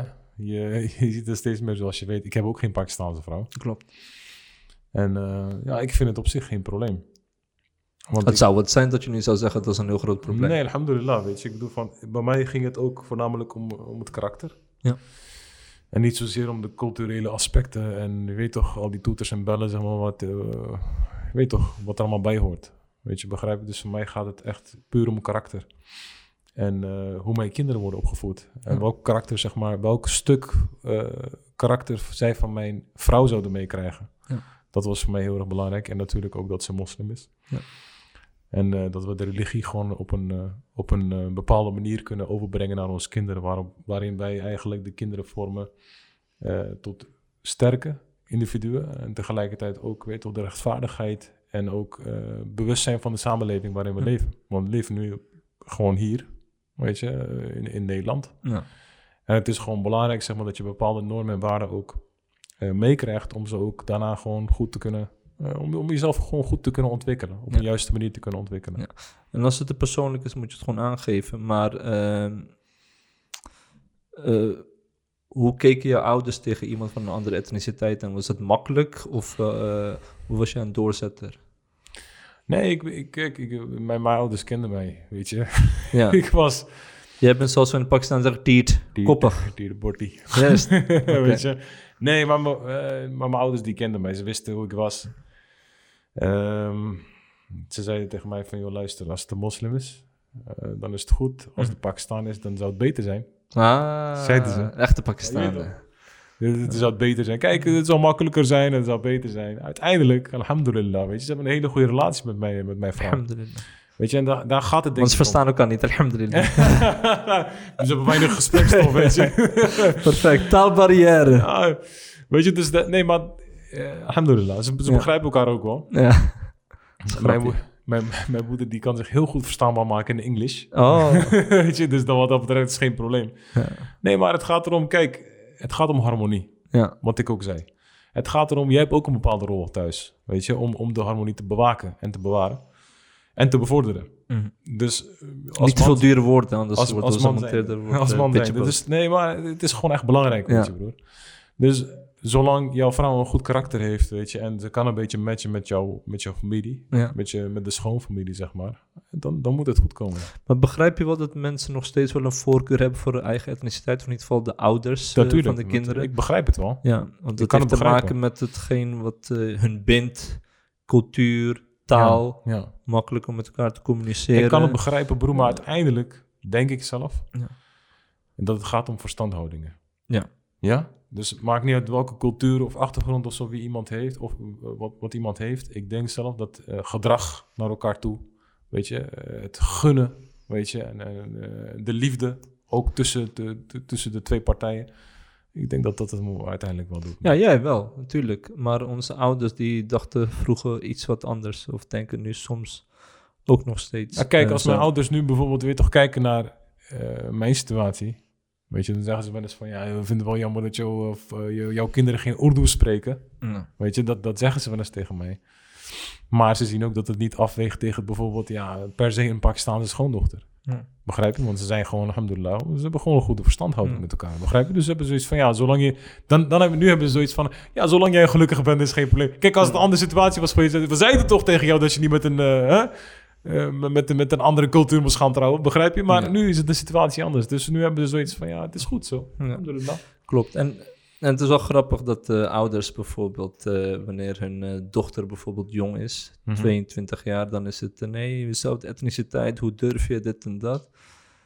Als ze 25, 26 wordt, van ja, als het half is, is het ook goed. En wanneer ze 32 wordt, van allemaal moslim, moslim. Het zijn allemaal broeders in islam. Allemaal moslim, moslim. en de grappigste is, sommige vaders zeggen tegen me, dat vind ik helemaal grappig. Ja. Hij zegt, ja, andere etniciteit. Mijn dochter is dan 32 jaar. Ja, ja. Andere etniciteit maakt niet uit. Kijk maar, onze familie, die is met Nederlander getrouwd. en die is met Surinamer getrouwd. Geen probleem. Geen probleem. Nee, maar dat zie je ook. Zou je die vraag in 2002 stellen, Ja, bro? ja, precies. Maar dat zie je ook niet alleen bij Pakistanen, is dat zo? Ja. Dat is ook bij Marokkanen zo bijvoorbeeld. Dat is ook Ja. bij, bij, waarschijnlijk ook bij Turken zo. Weet je, dus wat ik zie, zeg maar, is zeg maar hoe ouder de... de, de, de- Leeftijd, des te meer ze flexibeler worden. Des te flexibeler ze Oh, worden. HBO, MBO, wat maakt het uit? ja, klopt. Waar hebben we het over? Het is maar een papier. Ja, ja. Het is jammer, het is jammer. Ehm, ja. Maar het is zo. eh, het Maar het zo. heeft ook te maken, en dit, eh, sorry, maar ik vind wel dat mensen dat moeten weten. Waarom zeg ik sorry? Mensen moeten het weten. Het heeft ook te maken met een bepaalde maat van arrogantie. Dus wanneer jouw kinderen jong zijn, Mhm. in de bloei van hun leven, met Nog goed in de markt liggen. Ja, exact. Nog, waar, nog, nog waarde ja, hebben. waar- meer Ja. waarde hebben. En broer, wanneer, eh, wanneer de dochter gescheiden is, wow, dan moet je zien hoe Ja. flexibel die ouders Ja, zijn. ja, ja, subhanallah. Is jammer. En subhanallah, wanneer hun dochter gescheiden is van 30 jaar of zo, dat maakt niet uit. Maar als we gaan praten over die 21-jarige dochter van hun, dan zijn er weer die oude voorwaarden. Ter- Terwijl het eigenlijk andersom moet. Juist die gescheiden dochter moet je beter gaan beschermen dan die... Ja, Ja. snap Nee. je? Niet Nee, maar- beter gaan beschermen, maar je moet... Je moet, je moet Want ze willen natuurlijk weer kleinkinderen zien, toch? En dan, ja, nee, dan maakt het allemaal niet uit. Kijk, ik zeg niet, ik wil hier niet de hypocrisy van de ouders eh eh tentoonstellen. Maar ik wil wel dat ouders hierover gaan nadenken. Mhm. Van oké, ik vind niet dat een ouder, als iemand zo gaat redeneren, dat hij echt consequent is. Ja. Ja. Snap je? Van nu heeft mijn kind zoveel te bieden. En dat betekent dat je eigenlijk neerbuigend gaat kijken naar andere etniciteiten. Waarom? Of opeens anders gaat denken over opleiding. Ik hoop dat de nieuwe generatie die nu komt... Ja. en die nu kinderen krijgt... dat ze heel anders erin, erin gaan staan. En ik denk het ook wel. En dat is nou een studie trouwen, toch? Ja? En dat ze nou dit... Nee, Nee. nee, ik ben daar nog... Jij bent nog niet overtuigd. Misschien een andere keer. Nee, weet je wat het is? Ik vind zelfs... Oké, tuurlijk, je mag bij Hisab inschrijven als je jonger dan 25 bent. Dus ik vind wel dat je een bepaald... Weet je, als je 24, 25, 26 bent, dan ben je ook wat meer mentaal ook gesetteld. Ja, maar dat, is, dat, dat ligt ook meer aan de opvoeding, man, Bilal. Ik zeg heel eerlijk. Kijk, als jij, je, als jij je kind een kind wil houden, weet je, dan blijft hij heel lang kind. Ja? Eh, Broer, wij zijn wat harder. Oké. Ja, ik kom, van een, ik kom wel van een eh, gezin, weet je, waar mijn vader me wel... Weet toch, oké, tot 16, weet je, had hij me wel een beetje dinges. Maar na 16 was ik ook... eh oh ja. Oké, volgend onderwerp. Begrijp je? Nee, maar... Niet te veel. Nee, maar dat is het. Kijk, luister. Als jij, als jij je kind op een bepaalde manier opvoedt, zeg maar, waarin je hem heel, bes- heel beschermd opvoedt en dat soort dingen, dan inderdaad, dan mag- kan je verwachten dat hij 25 man is. Broer, Omar hij had hele jonge adviseurs, hè, die tieners waren. Eh, of één, één tiener volgens mij had hij als adviseur. Ik heb het, over, ik heb het nu over mensen die werden gevormd, eh, vanaf kleins af aan werden ze gewoon gedrild. Begrijp je? De- Deze maatschappij, je kan het nog steeds doen als vader zijn, dan vind ik nog steeds Maar dat, dat je je In kind... welke staat was dat? Ja, oké broer, natuurlijk. Eh, tuurlijk. Weet je, dat, dat- ik begrijp het. Maar alsnog, jij bent de vader. Jij kan je, Ik jij kan je zoon nog steeds man maken op jonge leeftijd. Je, hoeft niet te wachten, je hoeft niet te zeggen van ja, maar het maakt niet uit, weet je dit en nee. Je kan, je kan ze drillen, broer. Ik ga ervoor. En als ik er niet uitkom, dan eh, kan ik bij jou terecht. Hè? Altijd. Barakallahu Waffie. Ehm, dat waren de punten. Ja, mashallah. Heb jij nog iets toe te voegen? Nee, eigenlijk, eh, eigenlijk niet, man. En dan hebben we nog wil één laatste onderwerp. Ik dacht dat je nog meer punten had, man. Nee, het eh, vallen allemaal bijeen. Maar één laatste onderwerp. 14 februari. 14 februari. Wat is 14 Weet je, februari? vroeger hè? Wat is, wat is 14 februari? 14 februari. Ik weet niet wat 14 februari is. Ah, je hebt zeker nooit een roos gekregen. ik zou het nooit weten. Nee, ik kreeg geen roos hoor. Heb jij een roos gekregen ooit? Wat denk je? Ja? heb, ik je ooit, roos. heb je ooit een roos gekregen, vriend? Vroeger brillen en beugels, dat zag je. Totaal niet. Nu, ik zat na te denken, hè, van nu, die gouden bril van me met die beugel, Ja. nu zou het gewoon weer in zijn. Wat gouden brullen en beugel, man. Hé hey, broer, was anders. Dus nee, dus ik was er niet zo eh, in, wat dat betreft. Mhm. Maar eh, weet je, vroeger was het wel grappig als 14 februari kwam. Weet je, als een, als een jongen met een roos was, het gewoon was- schande eigenlijk. Wat doe je met een roos, man? of niet? Wat doen ze dan nog steeds met rozen? en Ik weet school? niet. Hey, luister, ik ga niet meer naar die middelbare scholen, snap je? Ik, Ja. eh, ik werk ja niet. Vroeger Dus ik- je dat wel. Ja, dat was echt grappig, joh. Van Ja, zijn rozen met zijn chocolade. En we lachten die jongens uit van, doe normaal, man. Ja, bij, bij ons werden wel volgens mij rozen gegeven aan die, aan, aan, die meisjes, maar ook op een hele... Ik weet niet eens meer hoe dat ging zelfs. Ik weet het ook niet. Maar, wat is jouw advies aan de umma? Op 14 Aangaande februari? 14 februari. Broer, wat voor advies Geef rozen aan elkaar. Ik zei net, wat is 14 februari? Ja, weet je, Valentijnsdag wordt zo eh, naar voren gebracht natuurlijk. En eh, ik denk Ja, dat de voor, ook jongen onder nog de Pakistanen veel, hè? Ik weet het echt niet, bro. Eh, Valentine Day. Oh, daar komt de gif. nee, ja, nee, het is... eh, ja, ik, weet je... Het Zelfs is bij de oudere generatie van, eh, sp- speelt dat een rol. Ja, dan gaan ze natuurlijk samen zo'n selfie maken van 60 jaar samen. En eh, het is nu Valentine's Day. Ze gaan ook uit mee eten met elkaar Ja, zo. precies. Met de smiles en alles erop en eraan. Maar eh, de reden waarom ik ook over 14 februari wil gaan praten... we proberen natuurlijk de jongeren te bereiken. Mhm. Eh, de, eh, de broeders en de zusters die gewoon actiever willen zijn met islam. Ehm, kijk, het, ik wil geen, eh, hoe zal ik zeggen, een intellectuele discussie over 14 februari. Het is alleen van ehm, dat er weer een dag is welk, eh, welke jou pusht om jouw gevoelens kenbaar te maken. Of in ieder geval welke jou eh, pusht om ervoor te zorgen dat je wel een vriendin moet gaan hebben. Snap je wat ik bedoel? En ik vind dat wel een, een, een punt wat heel erg belangrijk is. Dat wij eh, als gemeenschap ook een statement moeten gaan maken. eh, dat wij gewoon eigenlijk ja, sowieso tegen zina zijn en zina tegen willen gaan. Snap je? Mhm. Want onze zusters worden hierdoor gewoon benaderd. Hè? Van het is 14 februari, hey, wat vind je van dit en dat? En het is allemaal zo, en deze hele maatschappij wordt zo vulgair hierdoor. En 14 februari draagt helaas haar eh, lelijke steentje aan bij. Ja. ja, nee, helemaal mee eens, man, bro. Ja, ik bedoel, eh, we hebben dochters. Als iemand eh, met de roos komt en eh, chocola of whatever, snap je wat ik bedoel? Ja. Ratatatat. Dan staan we bij daar. Jij komt met de roos, ik word boos. precies, precies. Nee, maar het is niet ons feestdag. 14 februari is niks voor de moslims. Nee, Het klopt. is- Maar het is ook dat wij tegen de jongeren zeggen... Ja, dat is, het ook, dat, je, is, dat is de reden waarom ik het ook zeg. Weet je, van, bedoel- het, is niet, eh, het is niet ons Wil feestdag. jij 14 februari gaan naar haar vader toe? Ja, Snap je wat klopt. ik bedoel? Ga 14 februari naar haar vader toe. Toe, ja, precies. Ja, want- met, de roos, met de roos en chocola. precies, precies. Dat is een goeie. ja. Ga 14 februari naar haar vader toe. Nee, maar het is echt gevaarlijk. Ik bedoel, als mensen dat automatisch gewoon normaal gaan vinden om elkaar te benaderen. Ja, en dat ze gewoon cadeautjes gaan kopen. Klopt. Snap je? Ja. Dat is, ja, ik vind het wel gevaarlijk. Blijf weg van mijn dochter. Snap je wat ik bedoel? Nee, klopt. Klopt, zeker weten. Het zijn, zijn, en het zijn onze zusters en, en, en dochters, weet je, van, eh, die, die ook Van worden benaderd. ja. Die worden benaderd. En dat is, dat is gewoon een foute boel.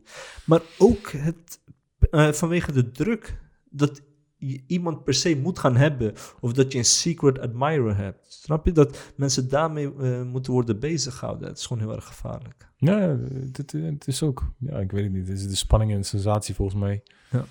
Dat, ook, eh, dat ook de thrill geeft, zeg maar, om, het, om, het, om daaraan mee te doen of zo. Maar jammer genoeg, weet je. Mogen alle onze zusters en, en dochters beschermen hiervoor, Amen, inshallah. amen. En de broeders ook. En de broeders ook zeker weten. ja. Want de broeders die, die, die, die, die doen daar keihard aan mee. Ja, die faciliteren het. Die proberen natuurlijk de Casanova's uit te hangen. Maar het is gewoon heel belangrijk. ehm, dat wij gewoon eh, wegblijven. Ook al leven wij in een maatschappij waar het gewoon heel makkelijk is om contacten met elkaar te leggen. Mhm.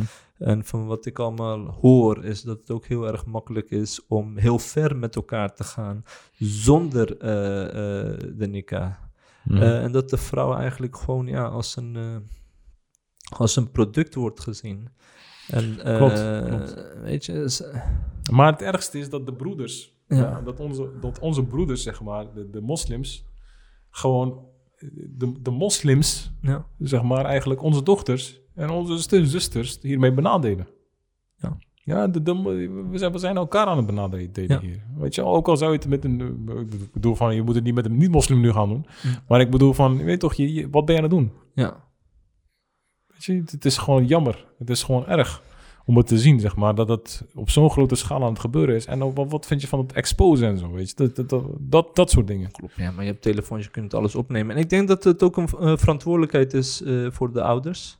Ik bedoel, ehm, wij weten veel al wel wat er gewoon thuis gebeurt. Of hoe onze kind denkt. Ehm, wij zijn van de tweede generatie. En het is belangrijk dat wij wel onze kinderen gaan educeren hierover. Gewoon gaan leren van oké, hoe een man en vrouw met elkaar horen om te gaan. Eh, ook al wonen wij in een hele, ja, eh, ja een, een seksuele samenleving die gewoon heel erg eh, gefocust en gefixeerd is op het feit van hey, leef en laat leven. Ja. Doe wat je niet laten kan. Express Geen, yourself. geen moraliteit. Geen Er moraliteit. is geen moraliteit. Ja, en dan moet je vanaf eigenlijk dag één moet je al je kinderen daarmee gaan opvoeden. Moraliteit is plaatsgebonden hier, broer. ja, Het is plaatsgebonden. Als jij, eh, kijk, westerse moraliteit, wat is het nou eigenlijk? Kijk, ik ga het gewoon openbreken. Want kijk, dit soort dingen, dit soort concepten zijn heel erg belangrijk om te begrijpen, ook voor onze jeugd. Want wij, binnen de islam hebben wij bepaalde normen en waarden. Weet je, dat is, dat is, en die lat ligt hoog, alhamdulillah. Ja. Weet je, we zijn, we zijn, een eer, eh, we zijn een eervolle, we hebben een eervolle geloof. Weet je, we zijn eervolle mensen. Ja, Als je kijkt naar westerse moraliteit, ze hebben dan een bepaalde lat gelegd, zeg maar. Eh, moraliteit op de strand is anders dan in een snackbar. Hm. Ja? Als jij in een snackbar in een bikini zit, dan kijkt iedereen, ja, ja, godsjammer, wat heeft zij nou weer aan? Weet je, ga je naar het strand eventjes en dan is het allemaal oké. Begrijp je? Hm. Dus dit, moraliteit hier is plaatsgebonden. De enige die moraliteit, eh, de, de, de, de standaarden voor mor- moraliteit kan leggen, is de schepper. Ja. En die zijn gelegd. Ja. En die zijn eenduidig. Punt. Ja. Weet je, en zo ook met eh, Valentijnsdag en al die andere dagen, of wat dan ook, weet je wel. Van de, ik, wil, ik, wil, ik wil de boodschap eh, wel heel erg eh, graag naar buiten brengen van broeders en zusters, weet je. Hou jezelf in tot het huwelijk, inshallah, weet je. Zeker. Dus eh 14 februari, hashtag ga naar haar vader. Ga naar haar vader. Oké. Je moet hem eronder zetten, hè. Zal ik zeggen, voor jouw tijd. Inshallah, broer. Broer? Was weer gezellig. Zeker weten. Assalamu alaikum wa rahmatullahi wa barakatuh.